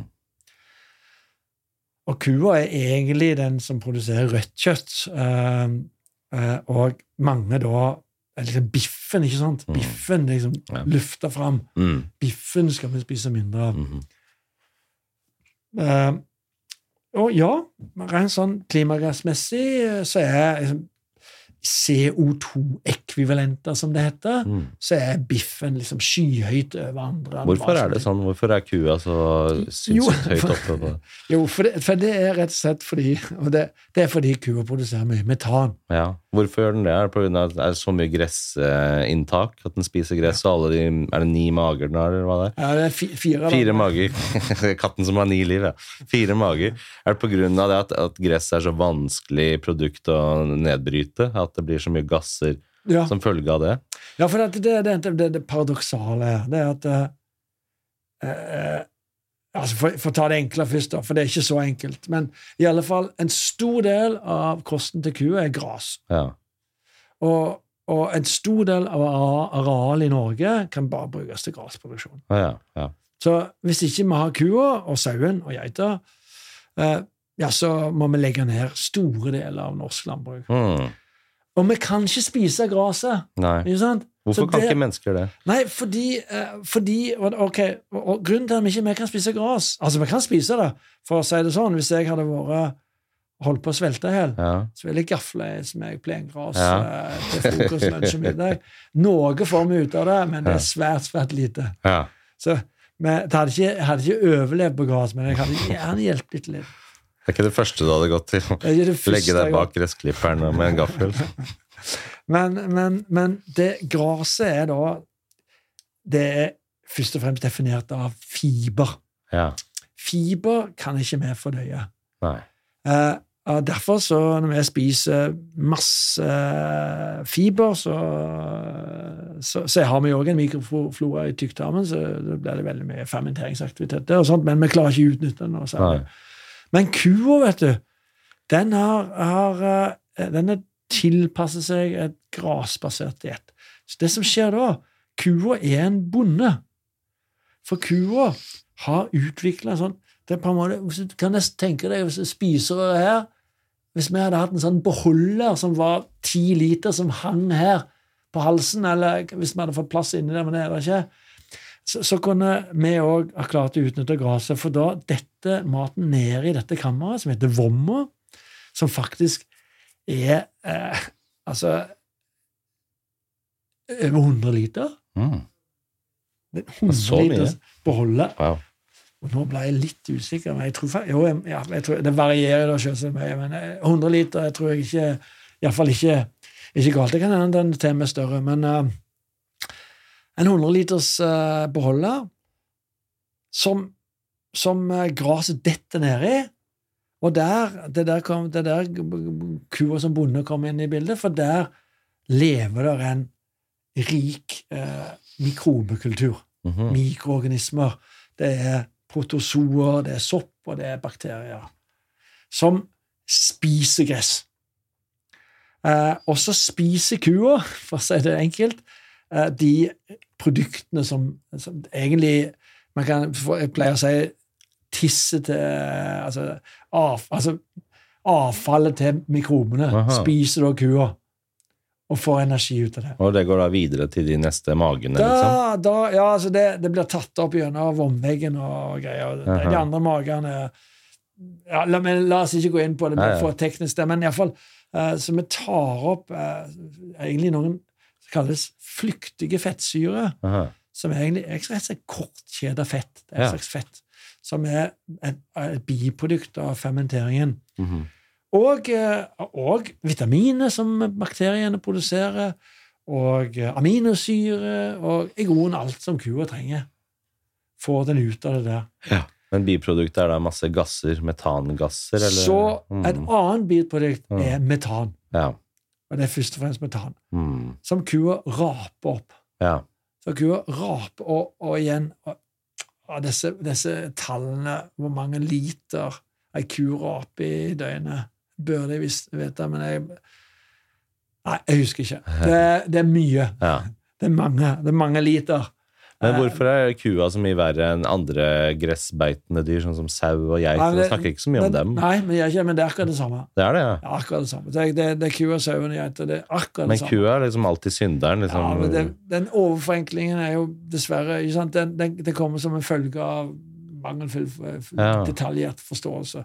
Men altså, det er drøvtyggerne generelt. Men er det så mange flere kuer enn det er sau og geit? Liksom, er det mye Ja større kuproduksjon enn dem? Kua, Mm. kua totalt overskygge all, både sau og geit i total matproduksjon. Ja, for det er ingen som sier liksom til jul nei, nå må ingen spise pinnekjøtt lenger, fordi nå er sauen er så mye CO2-utslipp og sånn, så ikke kjøp noe pinnekjøtt til jul. Man hører jo ikke den, men du Nei. hører alltid det om biffen. Ja, ja, ikke spis biff fordi det er så mye kyr. Ja, det er jo altså, det er bare altså, det er mangel på detaljkompetanse, men det, det er akkurat det samme. Så Mm. så, og dette metanet, det har en veldig høy klimavarmingseffekt. Ja. Poenget med metan, og det, det er derfor mange mener det er en eh, total misforståelse, fordi metan brytes veldig fort ned i atmosfæren. Så, så, eh, så dette på en måte Så lenge metanutslippene er stabilt, så betyr det ingenting for klimaet. Mm. Så noen har sagt at det med liksom å prøve å fjerne kua fra matsystemet, det vil da senke metanutslippet kanskje noe, så det vil ha en engangseffekt. Mm. Så det, så det, men, men så, så det er liksom, liksom sånn pisse i buksa hvis man er kald. Altså, Ja, ja. måte, det har en, en effekt, så, så, er bort, så er effekten borte. Ja. Og så er jo da eh, Og derfor så er det mange som mener at det blir feil å, å, å, angripe kua, og ikke minst fordi vi ikke kan Kua har en unik rolle i å omdanne en ikke-ressurs Mm. til mat for for, for det er mest metanen, slipper. Slipper den også ut CO2? Norge CO2, ja, men det er liksom metan som gjør at den kommer i en liksom Det er det på grunn av det, ja. Det er metanet. Mhm. Um, så, og så, så er det jo en annen ting ikke sant, som, som er fundamentalt her. Hvorfor Og det gjelder hele matproduksjonssystemet. Hvorfor har vi kommet i den situasjonen nå at uh, temperaturen øker Mm. i atmosfæren? Hva er det liksom Igjen, det, man må tenke så enkelt som mulig. Mm. Men hva, du vet jo hva som er årsaken, ikke sant? Mm. Hva er årsaken? Ja, det det de sier, er jo CO2. Det er. Ja, men Hvor kommer CO2-en fra? Fra dyr, fra biler, fra eh, Hva heter det Trærne slipper vel ut CO2. Ja, men det, Ja, nettopp. Altså, Mhm. det- du har to kan, kan si, kan to, eh, to uh, sirkulære To mm. sirkler Mm. Uh, To sykluser, det heter. Ja. Og jeg pleier å kalle det den grønne og den svarte. Ja. Den grønne er den du nevner. Mhm. Trærne som Eller plantene som fanger CO2 mm. ifra lufta. Mm. Omdanne til karbohydrater Mm. og fett. Og dyrene, Mm. altså alt fra bakterier til mennesker, Mm. spiser plantene. Mm. Det går tilbake til CO2, kommer ut i atmosfæren, plantene tar det opp igjen, osv. Ja. Det og det, dette er på en måte en sirkel som går eh, som vi snakker om år, Ja. eller dager eller uker, avhengig av- av Mm. livssyklusen til plantene og dyra. Mm. Den svarte, da snakker vi om millioner av år. Det er og Hvor mange burde visst det? 40 millioner? Hvor hvor er det? Er sikkert 40 millioner år siden. Mm. Eh, plantene eh, døde. Og i, i, i store mengder ble liggende som sumper, Mm. som, eh, der plantematerialet ble omdannet til olje og gass. Og så, ja, hva skjedde der? Eh, Vulkaner som la seg over, osv. Eh, altså, eh, plantenes CO2-binding for millioner av år siden ble oppdaga på eh, Og det var vel et, eh, en eller annen ørken i, eller halvørken i USA. Mm. Man oppdaga Wow! Det her, Olje. greiene her, Mm. olje! Mm. Og, og dermed satte i gang en industriell revolusjon som var fantastisk for menneskene. Og så har vi da sluppet ut denne CO2-en Mm. I atmosfæren i løpet av uhyre kort tid. Mm. Sånn 100 år eller så. Det er det fundamentale problemet. Og så, og så tar man på en måte angriper det grønne systemet. Mm. Ja, ja. Som jeg hadde vært der uansett. Som vi alltid har drevet som hadde med. vært Liksom. uansett. Og hvis man hadde slått i hjel kua, da, Mm. sånn som, eh, sånn som Helsedirektoratet vil, Mm. sant? for at eh, den produserer så mye CO2-utslipp, ja, hva ville da skjedd? Ja, Med mindre man hadde utryddet elgen òg, så ville jo ville drøvtyggere overtatt dette beitearealet i Mm. veldig stor grad. Så kan man ikke si jakta massivt på elgen. Ja. men det er jo òg rødt kjøtt. Ja, og Da blir det etiske spørsmål. Man skal ikke drepe dyr. Og... Ja, og så- Hvorfor så er kan du ikke det heller? Og så er det rødt kjøtt. Altså, Ja, ja. Elgen er òg en drøvtygger. Ja, ja, ja. Altså, men, men uansett, man kunne, man kunne liksom eh, injisert eh, altså, Man kunne sterilisert elgene, ja. så mange avgang, sånn. men uansett Man har ikke tenkt nøye nok gjennom på en måte det, det alternativet her. Ja. I tillegg til at man måtte importert mat. Sånn. Så dette er egentlig ganske absurd Mm. eh, når man begynner å tenke på det. Det det. Eh, Men, men for all del, jeg understreker altså at eh, dette er det store bildet. Ja, eh, det er store muligheter til å redusere klimagassutslippet i matproduksjonssystemet. Eh, kua spiser kraftfôr, den spiser bygg. Det burde ikke kua gjort. Mm. For det er jo det, Da er det bedre at grisen spiser bygg, eller at vi Mm. spiser bygg. Mm. Liksom Det verste som kan skje med kornet, det er at kua spiser det. For Mm. den, den produserer metan. Mm. Så det er mange greier med, med systemet som absolutt er stor forbedringspotensial for. Vi kunne absolutt, og kanskje til og med redusert uh, drøvtyggerproduksjonen, uh, men da å økt andelen grovfôr, altså gras, i rasjonen. Mm. Men, men, men altså det er på en måte bare altså, altså, den, den, ja, altså den, den overforenklingen som ligger til grunn for disse kostholdsrådene, og når det gjelder klimagasseffekter, er svært beklagelig. Og, og vil føre til at eh, det kommer ikke til å skje. altså Det, det er ikke politisk vilje til å legge ned distriktene. Mm. Det er ikke politisk vilje til å la kulturlandskapet gro igjen. Mm. Det er ikke politisk vilje til å, til å redusere selvforsyningsgraden av mat. ikke sant? Eh, og derfor så vil disse rådene ikke bli fulgt. Og så er det også det, sånn som du sier, heller ta det svarte kretsløpet enn det grønne, på en måte. Altså, dette er jo naturlig at man har beitedyr, og vi har vel hatt eh, mennesker opp gjennom historien i manns minne, liksom. Så har vi hatt sauer og geiter, og det er det vi har drevet med, på en måte. Og det er mye mer naturlig å ta um, det, det unaturlige som har skjedd de siste hundre årene med olje og sånn som du Mm, nevner, det er mm, det som er mm. unaturlig. Det er det som er det fundamentale problemet. Mm. Så la oss fokusere på det, folkens. Mm. Og så ja, av, av disse andre grunner det er ikke, det, Vi begynner i feil ende med, Ja, ja. med maten, rett og Mm. Ja, og hvorfor begynner vi med maten? Det er også et aspekt.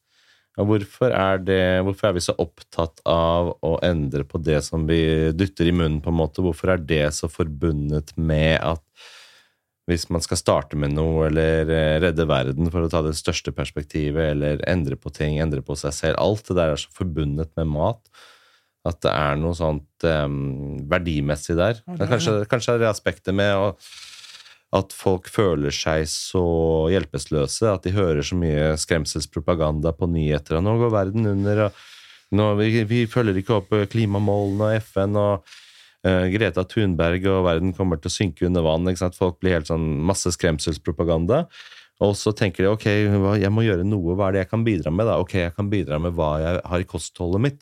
Kan bidra med hva jeg spiser. Det er i hvert fall noe, da. Så folk er kanskje i en sånn situasjon at de litt sånn handlingslammet. De vet ikke hva de kan bidra med, men de, det de vet, er at hvert fall, de, hvis jeg skal endre noe, så kan jeg i hvert fall endre hva jeg spiser. At det er kanskje en sånn som følge av at de får ikke gjort så mye annet i livet sitt, men det er i hvert fall noe sånn veldig konkret og direkte man kan gjøre noe med. Mm. Selv om det i det store bildet ikke egentlig er eh, så rasjonelt og logisk. Men, men, vi mennesker er ikke nødvendigvis så rasjonelle og logiske. Mm. Ja, men det, det, det, det, tror jeg er helt riktig, og det er fornuftig òg. Altså, for all del. Jeg mener altså, mm. jeg, jeg, jeg, prøver å være bevisst på dette. Mm. Men, men jeg, poenget mitt er bare at jeg dessverre føler at rådene mm. ikke er gode. Nei, nei. Så jeg må lage mine egne råd. Ja, Og hvis vi skal ha altså, råd, så burde de jo være vitenskapelig fundert, og de burde være etterprøvbare, de burde være øh, åpne, og de bør være gjenstand for debatt og gjenstand for kritikk og gjenstand for mm, mm. oppdatering og innspill. og uh, ha en vitenskapelig tilnærming til det, og ikke drive å være to streker under svaret. Og, og ovenfra-ned-holdning. At dette her skal nå alle bare følge fordi ja. kongen befaler. Mm. Altså, Jeg spiser aldri ris. Mm. Med, med Heimkjøttspis vi har liksom bestemt oss for at vi spiser ikke ris lenger. Mm. Men jeg spiser kokt bygg. Ja, ja, ja. Og det, eh, altså, den er litt sånn mer eh, tung å tygge. Ja. Det er et problem, det. altså. Mm. Så den, klarer, jeg, det, det, er en kostnad, men, men det er en ja. kostnad som jeg liksom er villig til. Og så er jeg veldig opptatt av kortreist mat. Da. Ja. Er, som og, og, ja, så liksom det Og så er jeg, har jeg sympati for norsk landbruksproduksjon, så jeg, jeg, er opptatt av å kjøpe norsk mat. Også. Mat er jo mye kultur òg. Ja, det er det. Og det, mm. det, er en annen eh, ting altså, som du nevnte. Hvorfor eh, blir maten så lufta fram som nærmest det mm. viktigste vi kan gjøre? Ja, ja. Og da tror jeg det at det, det er noe med det er noe med matens betydning for oss mennesker. Altså En ting er at mat er kultur, men mat er også på en måte en veldig sånn altså, det, det, det, er veldig, det er veldig signaleffekt i maten. ikke sant? Mm. Ikke sant? Det er på en måte eh, du, Det er så mange situasjoner der du, der du da kan eksponere din ideologi mm. gjennom, uh, gjennom, maten. Mye mer enn den flyreisen til London som vi snakker om. ikke sant? For at det er liksom Man spiser sammen. Mm. og Da mm. er det veldig tydelig med en gang. Ikke sant? Da sender du det signalet. Det er mye dydssignalisering der. Dydssignalisering mm. og identitet. Ja. Ikke sant? Liksom, og, da, og det er folk er veldig opptatt av. Ikke sant? Det blir mer og mer uh, vi blir mer og mer fragmentert eh, samfunn. Det er liksom ulike grupperinger, ulike ideologier. Mm. og De finner sammen, og de har tilhørighet. Erstatter religion kanskje litt. Ja, ja. Så, så det, da kan man liksom, det er en sånn signal du slipper å ha sånn skilt stående ja, på deg med at 'jeg flyr ikke til London'. Ja, For det må du nesten ha. Ellers, ellers kan du få liksom sagt at du ikke flyr til London. Men det blir sånn statusjag igjen. Det blir bare sånn overfladisk og egoistisk etter hvert. At det egentlig ikke handler om de store tingene, det handler om deg selv. At du sitter på restaurant med fire venner, og så spør du om har dere en vegansk meny. Ja. Og, så, og, så, så ugleser du de som har den biffen ja. på tallerkenen. Ja, ja, Du bryr deg ikke om miljøet, du, da. Og så får de, litt, og så får de ofte litt dårlig samvittighet. Ja, ja, ja. Så det hjelper ikke sant? Men det, en, det, kan komme inn på kjøttskammen. Skal man drive og kaste skam på alle som velger å spise kjøtt? Skal de eh, bære skammen på sine skuldre? Jeg tror vi har svart veldig klart på det spørsmålet. Mm. altså Det er iallfall det som er mitt syn. Men vi har en, vi har en, et, en av de tre mm. eh, elementene igjen. Det er jo mm. helse. ikke sant? Ja, ja. Det, er jo, det er jo animalsk produkter og helse. Ja. Uh, og uh, for det første så er det da helt klart, udiskutabelt Det enkle er jo at uh, animalske produkter, inkludert kjøtt, men ikke minst egg, melk, fisk. Mm. Eh, de har en eh, usedvanlig eh, innhold altså er usedvanlig rike på viktige mineraler, viktige vitaminer, mm. høyverdig protein. Egget, vet du, det er jo er jo altså det, det, det er logisk, det er lett å forstå at egget inneholder Mm. Eh, altså er rikt på, på viktige stoffer. Det er jo en kylling. Ja. Det er det egget vi spiser. Jeg, jeg, jeg, lar meg fascinere det nesten hver gang jeg tenker på det. Dette egget du spiser, er en kylling. Mm. Tenk på det. Mm. Som, det er bare akkurat som en, en boks med legobrikker. Mm. eh, der- der- Hvis du setter den riktig i hop, så får Ja, ja. du en kylling. Er ikke det, er ikke Det er jo det. Hæ? Det er utrolig. det, det er helt utrolig. Og, og liksom, det, altså, bein og øyne og, og, og, hjerte og blod og, og, Det er ingenting som tilføres til egget. ikke sant? Ja. Fra det egget som du spiser Ja, ja. søndagsfrokosten, til kyllingen. Unntatt oksy, oksygen, da. Ja. Eh, men ellers er, har kyllingen alt. Da er det morsomt at vegetarianere gjerne spiser egg, men de spiser ikke kylling. Mens Nei, altså, det egentlig er det samme sak, bare tidsaspektet er litt annerledes. Ja, men, men, men i alle fall så ja, så, men, eh, men du kan si at det egget du spiser, er ikke befrukta. Nei, det er sant. Så, Mm. eh, stort sett. Mm. Med mindre det er økologisk, da, for da Ja, er det ofte hane til stede.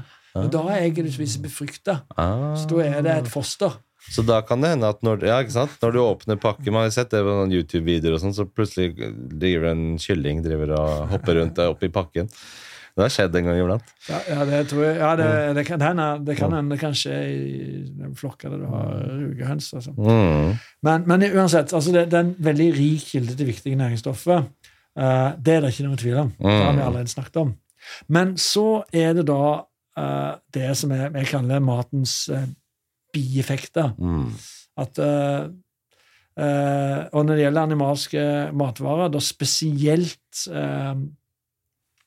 ikke så mye fisk, eh, ikke så mye egg, eh, men eh, da er det et par problemstillinger. Den ene som er viktig, den ene er hjerte-karsykdommer Mm. og metta fett. Ja. Da er det slik at eh, spesielt drøvtyggermat Mm. Altså melk og rødt, altså storfekjøtt og lammekjøtt og, og geitekjøtt, eh, det har en relativt høy andel metta fett. Mm. Ca. 50% av fett er Mm. metta. Eh, 60% i melk. Mm. Og smør, smør som er, og fløte og den typen ting. Mm. Uh, så er det uh, ting som tyder på, men det er ikke hogd i stein, det heller, men det er ting som tyder på at uh, metta fettet kan, uh, i hvert fall hos enkelte, disponere for hjerte- og karsykdommer. Mm. Men er det ikke vært en sånn debatt nå i det siste med at eh, metta fett er friskmeldt, at det er ikke så ille som det vi trodde, og at det egentlig Før så var det sånn nei, hold deg unna metta fett, men at det nå er mer sånn at nei, det er greit å spise. Ja. Det er nettopp det. Dette er kontroversielt, og det er derfor jeg sier det er ikke hogd i stein. Nei. Eh, Og jeg prøver, jeg prøver å la være å ta stilling til det. Jeg syns det er så vanskelig at jeg, jeg klarer jeg, jeg, vil ikke si at, jeg vil ikke si det friskmeldt, jeg vil ikke Mm. si at det er årsaken. Jeg er agnostiker på det området. Ja. Eh, Men jeg, nå bare presenterer jeg det. Det er noen resonnementer som eh, altså På en måte med at et fett, metta fett krever mer kolesterol for å løses opp, for det er liksom mindre vannløselig enn uh, umetta fett. Så det kan være noe logikk der, men jeg registrerer jo at det er, dette er, er, er kontroversielt. Men i alle fall så er det sånn da at det, det, kan, det kan hende at det er noe der. Så liksom Det kan hende at at spesielt drøvtyggerfettet mm, bør man ikke spise altfor store mengder. Riktig. Altså, eh, ja. Den ene problemstillingen, og den andre problemstillingen, er eh, eh, animalske produkter og fedme. Mm. Eh, ja, melk og altså animalske produkter er en betydelig bidragsyter til energiinntak. Mm. Eh, Spesielt melka uh, er- inneholder en del fett. Mm. Så, så det blir uh, Det er mye fett som produseres fra melk, og, og dermed så blir animalske produkter òg en viktig bidragsyter til energi. Uh, men da, da er mitt poeng at det handler mest om hva slags type animalske produkter du spiser. Mhm. Eh, samtidig som i gjennomsnittskostholdet animalske produkter bidrar med mye energi, så er det òg slik at eh, noen av de mest slankende eh, matvarene du kan spise, er nettopp kjøtt eller animalske produkter. Ja. Eggehvite 90% vann, 10% protein, ingenting ellers. Det er nesten ikke noe energi i det. Nei. Kyllingfilet, indrefilet av svin, eh, eh, indrefilet av storfe. Det er rent kjøtt som er slankemat. Mm. Altså, det er nesten ingenting fett i disse produktene her. Og eh, det høye proteininnholdet, som har lav energiverdi, og den høye metthetseffekten av Mm. å spise disse produktene, gjør at hvis jeg skal anbefale noen altså gjør at det jeg sier, Folk spør meg hva skal jeg spise for, for å ta, gå ned i vekt. Så sier jeg spis magert kjøtt og grønnsaker. Mm. Det er liksom slankemat. Det er liksom bodybuilder-dietten er jo sånn kyllingfilet og brokkoli, og så holder Ja. de seg på det. Bare det, hele tiden. Ja, og det, det er veldig klokt. Altså, Ja. Da skal det til altså, det, det, blir, det er noe som mangler der. På, Ja, ja. sagt men, Men sånn i det store bildet, hvis du har litt andre ting òg, Ja, ikke sant. Men altså, Mm. så, så, det, så der igjen så, så ser vi at dette er mer nyansert enn Mm. det liksom bare å si 'oi, det er farlig'. Ja, ja, ja. Ikke sant? Ja, for det må vi ta for oss, det der rødt kjøtt, eh, også likhetstegn farlig. Man Ja. hører jo det overalt fra Ja, myndigheter, fra, fra kostholdsråd, fra ernæring og fra alt. liksom, Hold deg unna rødt kjøtt, Mm, kreftfremkallende. Hold deg unna. Men er det eh, basert på eh, studier hvor man kan fastslå kausalitet, at årsakssammenhengen er av rødt kjøtt, så blir du syk? Eller er det assosiasjonsstudier hvor man ser at ja, de som også spiste rødt kjøtt, de var i fare for eh, å bli syke, men vi kan ikke helt fastslå at det var av det røde kjøttet, men det var assosiert med at de også spiste rødt kjøtt. Har man klare årsakssammenhenger der, men at man vet at man kan peke på rødt kjøtt, eller er det mer sånn diffust og mer sånn assosiert med det? Det er assosiert med det, og det er jo Mm. en av de tingene som er en kjepphest for meg. Mm. Jeg syns det er så ofte i humanernæring at man går i den fellen og blander i hop eh, eh, korrelasjon Mm. og kausalitet. Ja. Um, for det er uh, sånne befolkningsstudier som i veldig stor grad brukes spesielt til å finne assosiasjoner mellom Mm. sykdom og kost. Eh, de eh, kan ikke brukes til å trekke slutninger om årsakssammenheng. Så man kan egentlig ikke fastslå Nei. og si at rødt kjøtt er farlig for mennesker. Ikke, altså, da må man altså Det er bare én måte å gjøre det skikkelig på. Det er såkalte kontrollerte eh, Ja, studier. Altså, Dobbeltblindstudier. Ja, dobbeltblinde Mm. ran, ran, eh, RCT, altså randomiserte, kontrollerte Ja. Treatments, Ja. Og så mange av dem, og så systematic reviews oppå der igjen, for å se på masse studier over tid. Og det fins jo sånne studier, Mm. men, men de er jo ikke lang, det, det er veldig vanskelig. Du kan tenke deg du skulle gjort Mm. sånn på rødt kjøtt, så liksom tok jeg uh, delt en, tilfell, en, en, en, antall mennesker som Mm. var på en måte homogene eller Mm. representative for gjennomsnittsbefolkningen, og så sier Mm. nå skal du spise Mm. To kilo uh, biff i uka, Ja. du skal ikke spise Nei, noe. men ellers helt likt. Ellers helt likt, Mm. og så, og så, og så liksom ses vi om ti år. Ja, eller en million mennesker på hver gruppe, da, og så ses om eh, 50 år. Ja. Og så har du ti sånne studier gående, og så har du en uh, metastudie oppå der igjen som sammenligner alle studiene, og så mm. finner vi noe uh, sammenheng her. Ja. Og så, så er det problemet, det er masse problemer med det. Det er Mm. forferdelig dyrt, og så er det sånn at eh, ja, altså sånn, Du har ikke kontroll over disse folka. ikke sant? Så det er sånn, Du sier at du skal si, så, kan man, så glemmer man, altså. Mm. Ja, ja. altså. Eller gidder man ikke. Nei, nei. bare bløffer man. Eller, altså, Nei, er masse usikkerhet. Og så er det ikke blinde. ikke sant? For at du er vanskelig også, og at du ikke forstår at du spiser en biff. Mm. Altså, Ja, ja. det, det er faktisk studier som er gjort blinde på mat òg, men det er jo ekstremt vanskelig. Fordi det, Assosiasjonsstudiene er Problemet med dem er at det er kanskje mennesker som lever usunne liv ellers. da. La oss si de røyker, spiser kjøtt i form av McDonald's og ultraprosessert mat som ikke minner om mat engang. Og så trekker man slutninga oi, disse menneskene spiste rødt kjøtt. Hold dere unna rødt kjøtt! Altså, det er ikke, Hvor er vitenskapeligheten i det? Ja. Eh, Det, det er nettopp det som er problemet. Altså det, de er, det, det er så mange andre faktorer som spiller inn, men også prøver man å korrigere for det. Det fins metoder for det. Vel og Mm. bra. Det er jo det som er epidemiologien. Mm. Eh, Så det er et eget fagområde. Det er professorer i epidemiologi. Eh, Så, så man har masse forskning på hvordan man skal korrigere for sånne ting.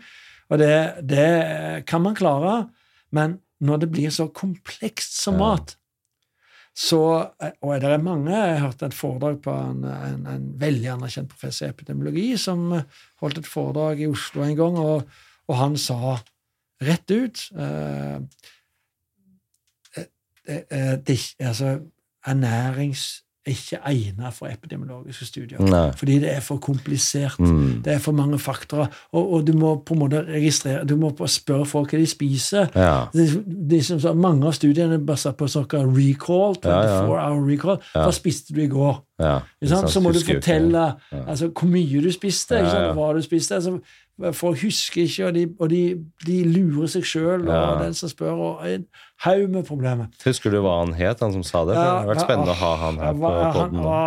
Jeg har, jeg har huska navnet, jeg, jeg kan finne det ut. Ja, finne uh, uh, eh, utrolig morsom fyr fra et universitet i Storbritannia. Ja. Eh, så han er, han er ikke nord Nei, nei. altså. Men, eh, men eh, for å ta det har det på tunga, men jeg husker ikke. det. Men jo, for å ta det veldig konkret, hvis man kun tenker da helsemessig, ikke noe eh, klima og ikke noe etiske ting, bare ren isolert sett helsemessig.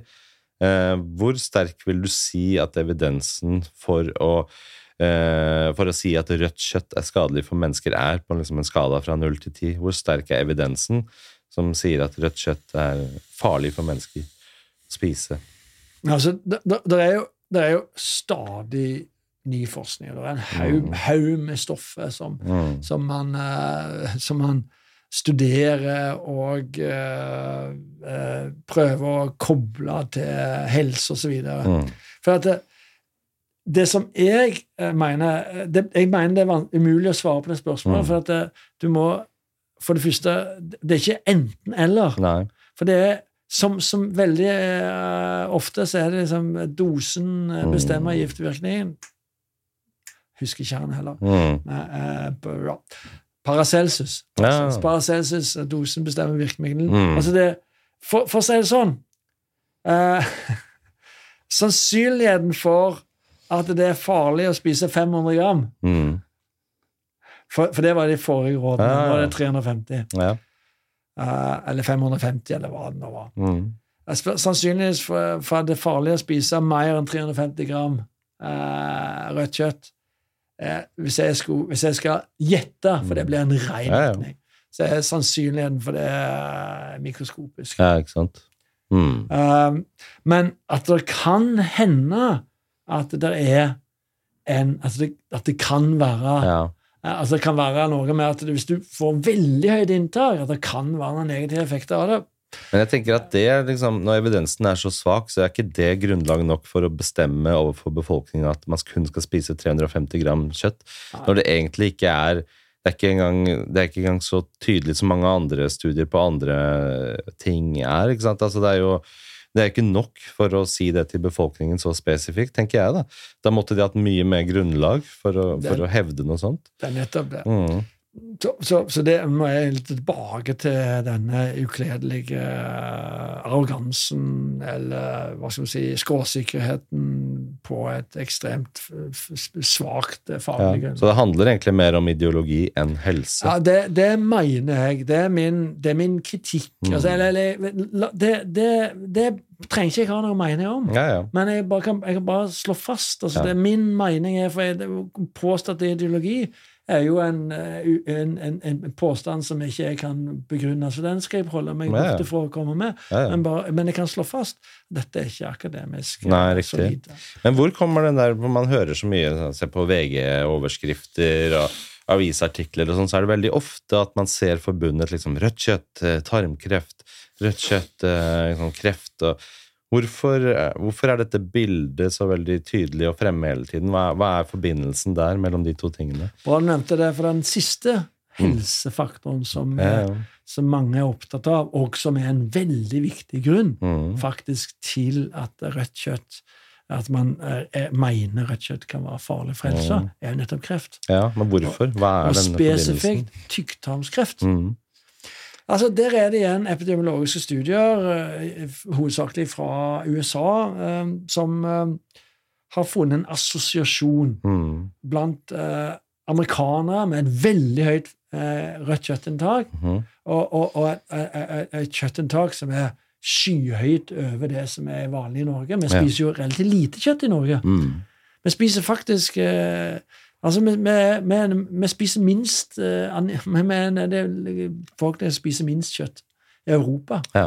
Men eh, eh, og, og, og da en, en, en, økning i, eh, an, i tilfeller av tykktarmskreft. Men det er også assosiasjonsstudier, så det kan Det også hende at de lever usunt. Kanskje de er veldig overvektige, kanskje de aldri altså- beveger seg, kanskje de Og, og, og, og kreft er jo det mest usikre av alt. Ja, ja, ja, sånn, jeg mener at eh, eh, hjerte- og karsykdommer for eksempel, så vil, påstå, så vil jeg påstå at det er kausalt knytta til kosthold. Mm.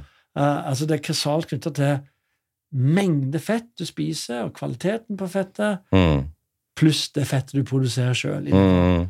Altså, det er fordi, fordi uh, det er kolesterolet er, kommer inn i årveggen når det transporterer fett. Ja, ja. Så det er veldig sånn kausalt. Diabetes type 2 er kausalt knytta til kosthold eh, fordi eh, det er en glukosetoleranse-sykdom. Mm. Men kreft Altså, man forstår jo ikke fremdeles ikke hvorfor noen får kreft. Nei, sant? Så, så hele, ja. hele på en måte Hva heter det?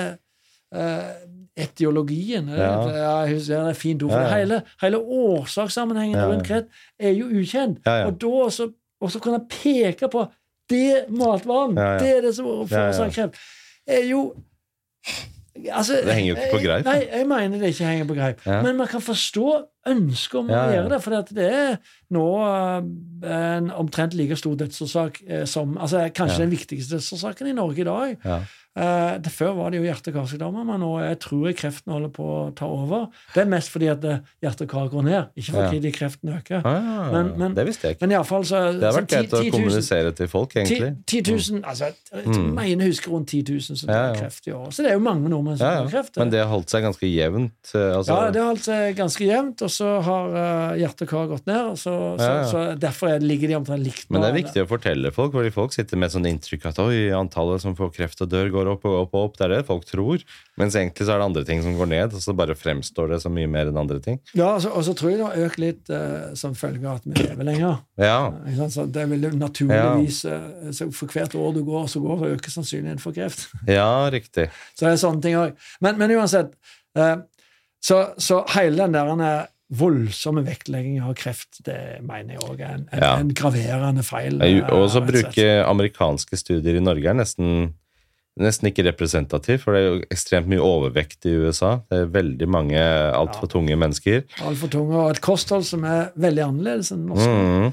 Uh, for eksempel i hvor mye animalske produkter de spiser. Mm. Eh, Hvis jeg husker riktig ja, Det er iallfall over 100 kilo. Amerikanerne spiser over 100 kilo kjøtt i året. Mm. Jeg tror det er 110-120. Ja. I Norge så er det antar rundt 70. Ja. Så det er liksom nærmer seg dobbelt så mye. ja. Eh, Og, så, og, og så, det, det passer jo ikke. altså. Nei, nei. Og hvis de i tillegg spiser masse ultraprosessert, sitter i bilene sine, Ah, går ingenting, overvektig, røyker, fedme Altså det er et helt annet utgangspunkt, da. Er det. Og, og så et siste punkt, da, hvis, og, og nå må vi vel kanskje snart avslutte, men det, det siste punktet når det gjelder denne delen her, det er Hvis du snur det på hodet, da Mm. Altså, Nå har vi nevnt, vi har nevnt uh, hjerte- og karsykdommer. Det er en Mm. viktig dødsårsak. Kreft er en viktig dødsårsak. Uh, men den tredje store folkehelseproblemet Og så har man nevnt fedme, som er et stort Mm. folkehelseproblem i seg sjøl. Og, så den, tredje, eh, den fjerde da, store folkehelseproblemet er jo diabetes type 2, altså glukoseintoleranser i varierende grad. Mm. Og da er det slik at det animalske produkter de inneholder ikke karbohydrater. Ja. Det er karbohydratfrie, med unntak av melk. ja, riktig. Man må si Mm. med unntak av melk. Men ellers så er de karbohydratfrie. Mm. Så hvis du har problemer med blodsukkerreguleringen, så er jo animalske produkter redningen. Ikke sant? Fremfor alt. Og eh, da, da vil jeg også skyte inn da, nå er det sånn, sånn ja, Det blir litt springende, men du snakket om tidligere hva man skulle, burde undersøke. eh, liksom, med nivå av eh, vitamin og mineral i blodet og sånt. Eh, men det som jeg anbefaler alle å gjøre, det er å finne ut hvor godt de tåler karbohydrater. Ja. Og Det gjøres med en såkalt oral glukosetoleransetest. Den kan du gjøre hjemme, eh, men du kan også gjøre det hos legen. Gå til legen og be om å få gjort en oral glukosetoleransetest. Hva er det man finner ut da, og hvorfor er det lurt å gjøre? Jo, for at det man finner ut da, det er den eneste måten, det er å finne ut hvor godt kroppen din tåler eh, å spise mye karbohydrater. Uh, og det er det, det som skjer hos legen. Du må møte på fastende mage, mage og så får du drikke en uh, løsning, en væskeløsning som inneholder jeg tror det er 50 gram glukose, et karbohydrat. Og så måles stikkes du med en sånn greie som diabetikere har eh, i, i, tom, i fingeren, og, og så måles glukosenivået i blodet hver 15 minutter i to timer. Så det tar lang tid. Du må sette av eh, to timer hos legen. Og så plotter man da hvor, hvor fort glukosen stiger, Mm. og hvor fort den går ned igjen. Og hvis den stiger for fort og blir for høy, så skal du gjøre det igjen. Og så skal du gjøre det igjen, og så skal du gjøre det igjen, for at den kan stige hvis du stresser, f.eks. Mhm. Men, men altså, da hvis du, hvis du da ser at det ikke er noe særlig økning, så kan du slappe av og spise karbohydrater. Men, Mhm. men det er altså, man antar rundt en halv million nordmenn som sliter med blodsukkerregulering. Mhm. Og det, det tragiske er at noen av de som sliter, de vet ikke om det. Og eh, da, når de får da, diabetes type 2, så er det fordi kroppen har slitt med disse høye glukosenivåene i lang tid. Riktig. Og, og bukspyttkjertelens insulinproduksjon har blitt eh, redusert pga. overbelastning Mhm. over lang tid. Så det er på en måte, du må på en måte måle dette for, for, for å kurere sykdommen før den oppstår. for å si det sånn. Mm -hmm. Når du får diabetes type 2, så er det for seint. Så dette er en god ting å liksom screene for, og gå Absolutt. forebyggende. Absolutt. Og det sier legene ja til hvis du ber. ja, ja, absolutt. Mm. det mener jeg, uten at jeg, Dette har ikke jeg ikke detaljkunnskap til, men jeg er helt sikker på at det går an å få gjort det. Eh, Ja. Og jeg, jeg, har, jeg, har ikke, har, jeg har gjort det sjøl, da. Ja, ja. Du kan jo kjøpe sånt utstyr Ja, ja, eh, i- selv, på apoteket Og gjøre det sjøl, men, eh, men jeg har jo gjort det i veldig mange sammenhenger. Altså, Mm. Både akademiske og eh, på Mm. hobbybasis. Men, Mm. men eh, jeg, vet, jeg har ikke spurt legen noen gang om å gjøre det, men, men legen, legen kan gjøre det. Mm. Og så er det et annet spørsmål. Vi pratet i stad om man kan leve på et utelukkende vegansk kosthold. Også hvis vi snur på det da motsatt. Hvis man bare spiser kjøtt, kan man leve fint på det som menneske og ikke ta inn noe annet i kroppen sin enn rene kjøttprodukter. Ja, altså kjøtt Hvis du sier kjøtt, så vil jeg si nei. Mm. Altså, hvis du sier animalske produkter, okay. Mm. eh, så vil jeg også si nei. Ja, hvorfor det? Nei, altså eh, vitamin C. For, for å si det veldig enkelt. Mm. Vitamin C pluss eh, at det, jeg mener eh, det blir litt lite karbohydrater, rett og slett, Mm. i kosten. Uh, men uh, og, og, Men uh, um, Igjen så kan man gjøre det hvis man da tar supplement. Mm. Og det er jo også sånn at det er jo folk som har levd på altså Fridtjof Nansen påstår jo han spiste bare sel og isbjørn i Ja. ti måneder. Riktig. Da han og Johansen delte sovepose oppi ei steinhytte stein eh, hytta de bygde i en eller annen plass oppi, oppe i nord for uh, Svalbard, eller hvor nå var hen. Mm. Um, så uh, uh, det er jeg, jeg vil ikke påstå det er umulig, men jeg vil heller ikke jeg, jeg vil ikke, heller ikke si at det, Altså, jeg, jeg, vil ikke, jeg vil heller ikke påstå at det er sunt. Eller jeg vil, jeg vil, min hypotese vil være at det vil ikke være det mest sunne kostholdet. Nei. For at det blir veldig mye protein, og nyrene må, leveren og nyrene må Mm. jobbe veldig hardt med å kvitte seg med alt dette overskuddsproteinet òg. Riktig. Det klarer kroppen fint, men det er ikke sikkert langtidseffekten Det er ikke sikkert den beste strategien for å leve lenge i landet. Mm. Eh, Så jeg er ikke noe karnivor. Nei. Eh, Jeg mener mennesket er en omnivår. Mm. Det er en alt det der, akkurat som rotter. Ja. Ikke sant? Og grisen, Mm. som eh, var vel Det var vel vår eh, kjære venn eh, Bjørneboe, som, eh, som i, i bestialitetens eh, historie, har du lest det? Nei.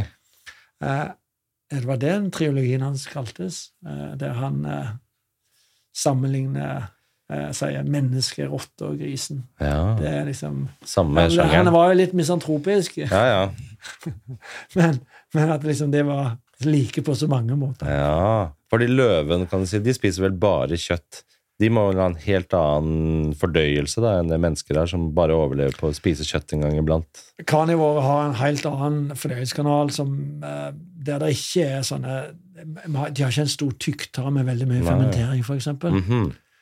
Og vi får jo Vi, liksom, vi, får, vi, kan Vi har litt nytte av denne fermenteringen, vi òg. Ja. Akkurat som kua. Ja. Men bare den er veldig lite effektiv i forhold til kua. Aha. Det er derfor vi kan spise litt eh, salat og få litt ut av det. Mm. sånn, som, er, som ikke er så fiberrik som gras, Ja. men som nærmer seg liksom eh, graset.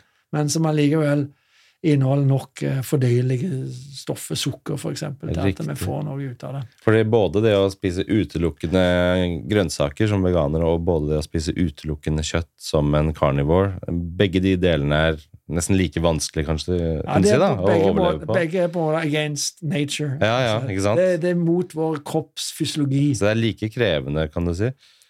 like krevende. Ja. Men, men altså, jeg, jeg vil nesten si at eh, Da vil jeg si altså, Jeg vil si at eh, da, Hvis jeg skulle velge Ja, mellom dem mellom to ytterpunkter. ja, så Mm. vil jeg, men, men da det, det, Dette er egentlig ikke dette er nå ja. igjen en spekulasjon, men Mm. da vil jeg spekulere at det Da vil jeg heller, hvis jeg skulle liksom måtte velge en av de to, og hvis jeg skulle tenkt på min egen helse, så ville jeg heller ha valgt vegansk. Du ville det, ja. Mm. ja. Jeg ville det, altså. Mm. For at eh, du kan få protein eh, altså det, Jeg tror det er lettere å, å få et balansert kosthold, Mm. tross alt, Ja. eh, med vegansk. Mm. Eh, Men eh, det som jeg vil velge, er jo, vår, er jo den omnivådietten. Mm. Jeg har lyst til å touche inn på et eh, tema også, dette med sukker. For det har kommet eh, Helt til nå så har vi jo blitt fortalt at hvis du absolutt skal drikke brus, så bør du drikke lettbrus, for da legger du ikke på deg så mye, i hvert fall. Men så kom jo WHO nå for en uke eller to siden og sa at nei, nå skal ingen drikke lettbrus lenger, nå burde alle drikke sukkerbrus, for det er bedre.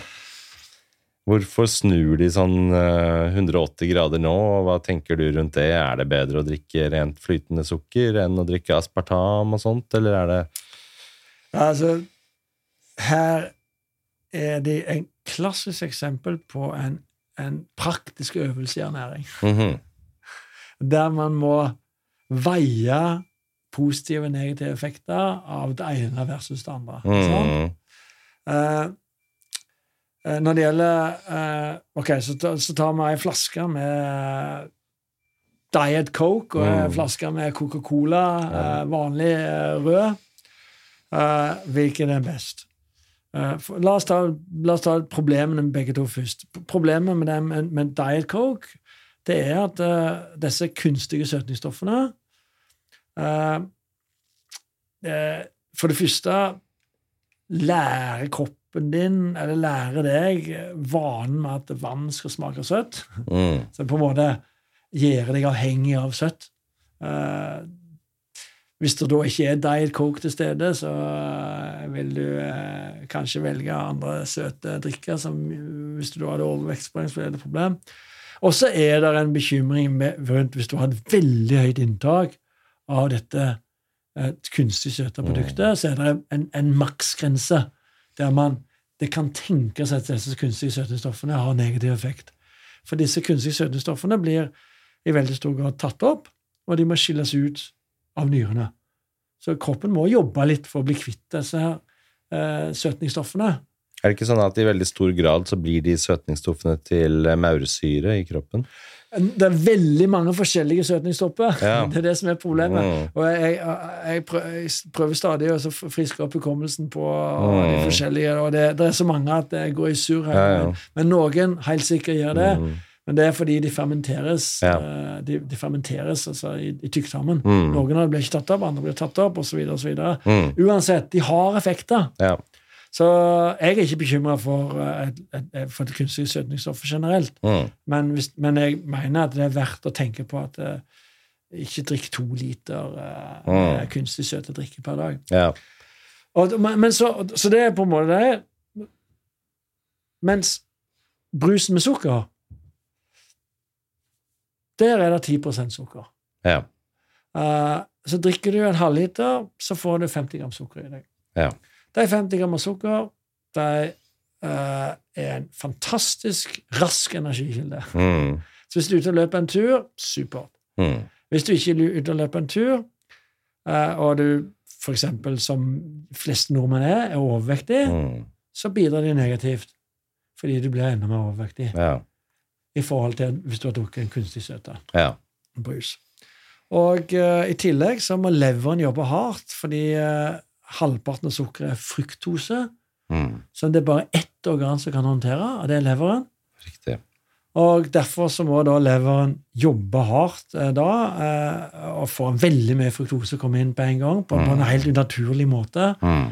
Eh, og eh, det kan bidra til at eh, det får eh, det det et metabolsk syndrom, altså fettlever og, og altså, hvis, du, hvis du drikker veldig mye, hvis du spiser veldig mye sukker, og spesielt kombinert med at du ikke er fysisk aktiv, så har det masse negative effekter. Ja. Så, så jeg mener da helt klart eh, for den gjennomsnittlige nordmann som er overvektig hvis, hvis du må for enten velge kunstig søte Du er tørst, du er tørst, og enten må velge kunstig søte eller sukkerbrus, så mener jeg tross alt det er bedre å velge, velge kunstig søte. Og så er kommer, den mora, kommer, kommer protestanten fram i meg og sier men du bør jo drikke vann, Ja.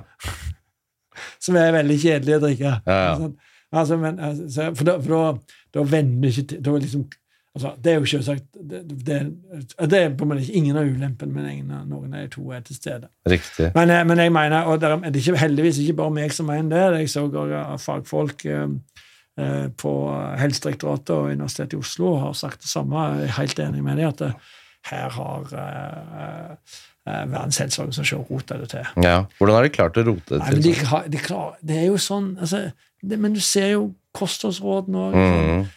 Man klarer å rote det til i ernæring, dessverre. Mm. Det er helt utrolig men, og helt uforståelig sett fra mitt synspunkt, men man klarer det stadig. Man har jo klart det med kreft, og de er Mm. veldig opptatt av kreft og akkurat som andre, og trekker kausale slutninger ut fra epidemiologiske studier. og Det har de Mm. gjort her på den kunstige søte òg, så videre og så. Så, så det, det, er, det, er, det er det samme problemet. Mm. Man er for ivrig til å trekke konklusjoner Ja. og komme med råd. Ja. Og, og, og at man glemmer det enkle og tar det enkle først før man går på det kompliserte. ja. Så sånn er det. Mm. Uh, uh, og det, det er på en måte det som er min uh, altså, I den grad jeg har noe å bidra med, Mm. det mener jeg jo jeg, jeg har. altså Jeg bare, jeg bare er åpen for at de andre mener ikke det. er helt greit for meg. Mm. Men det er nettopp det at jeg, jeg mener jeg er veldig rasjonistisk, har en veldig rasjonistisk eh, tilnærming til ernæring, der jeg eh, prøver alltid ta det fundamentale, det kausalt bunnsolide først, og legger det som et fundament for mine råd, og så bygger jeg på på en måte på det. ikke sant? Eh, du har fått sørga for energibalanse, du har et variert kosthold, du får alle de næringsstoffene du trenger. Ok, Nå kan vi begynne å tenke på eh, kvaliteten på energien. Om det skal være sukker, det skal være stivelse, skal det være fett, og hva slags fett det skal være. Altså med andre begynner å tenke på matens bieffekter. Eh, hjerte- og eh, diabetes type 2, først og fremst. Sånn. Så på en måte bygge en sånn et hierarkisk system. Mm. Eh, og der man på en måte aldri Regelen er du kan aldri eh, eh, gå på tvers av en, en, en regel som er på et høyere hierarkisk nivå. Nemlig du kan ikke kompromisse på at du må få alle næringsstoffene du trenger. Du kan ikke kompromisse på at du må, sørge for energibalanse. Eh, men, men du kan gjøre noe som innenfor det som reduserer risikoen for diabetes type 2, uten å kompromisse på de to første, som er viktigere. Og du kan gjøre det samme på eh, risiko for eh, hjerte- og karsykdommer. Mm. Men akkurat hva det kan gjøre, det tror jeg vi må ta en annen gang, eventuelt. Fordi, fordi da uh, Vi har jo nå snakket i tre timer, Ja. og det begynner å bli uh, gå varmt oppi her. Men du, Birger, tusen takk for at du var med på podkasten her. Veldig spennende å lytte til deg. Lærte masse av å høre på deg. Og kommer eh, Kjører gjerne en oppfølgingsepisode med deg senere. Takk for samtalen. Det var en veldig behagelig eh, konversasjon og eh, en, en godt, godt vertskap. Takk skal du ha.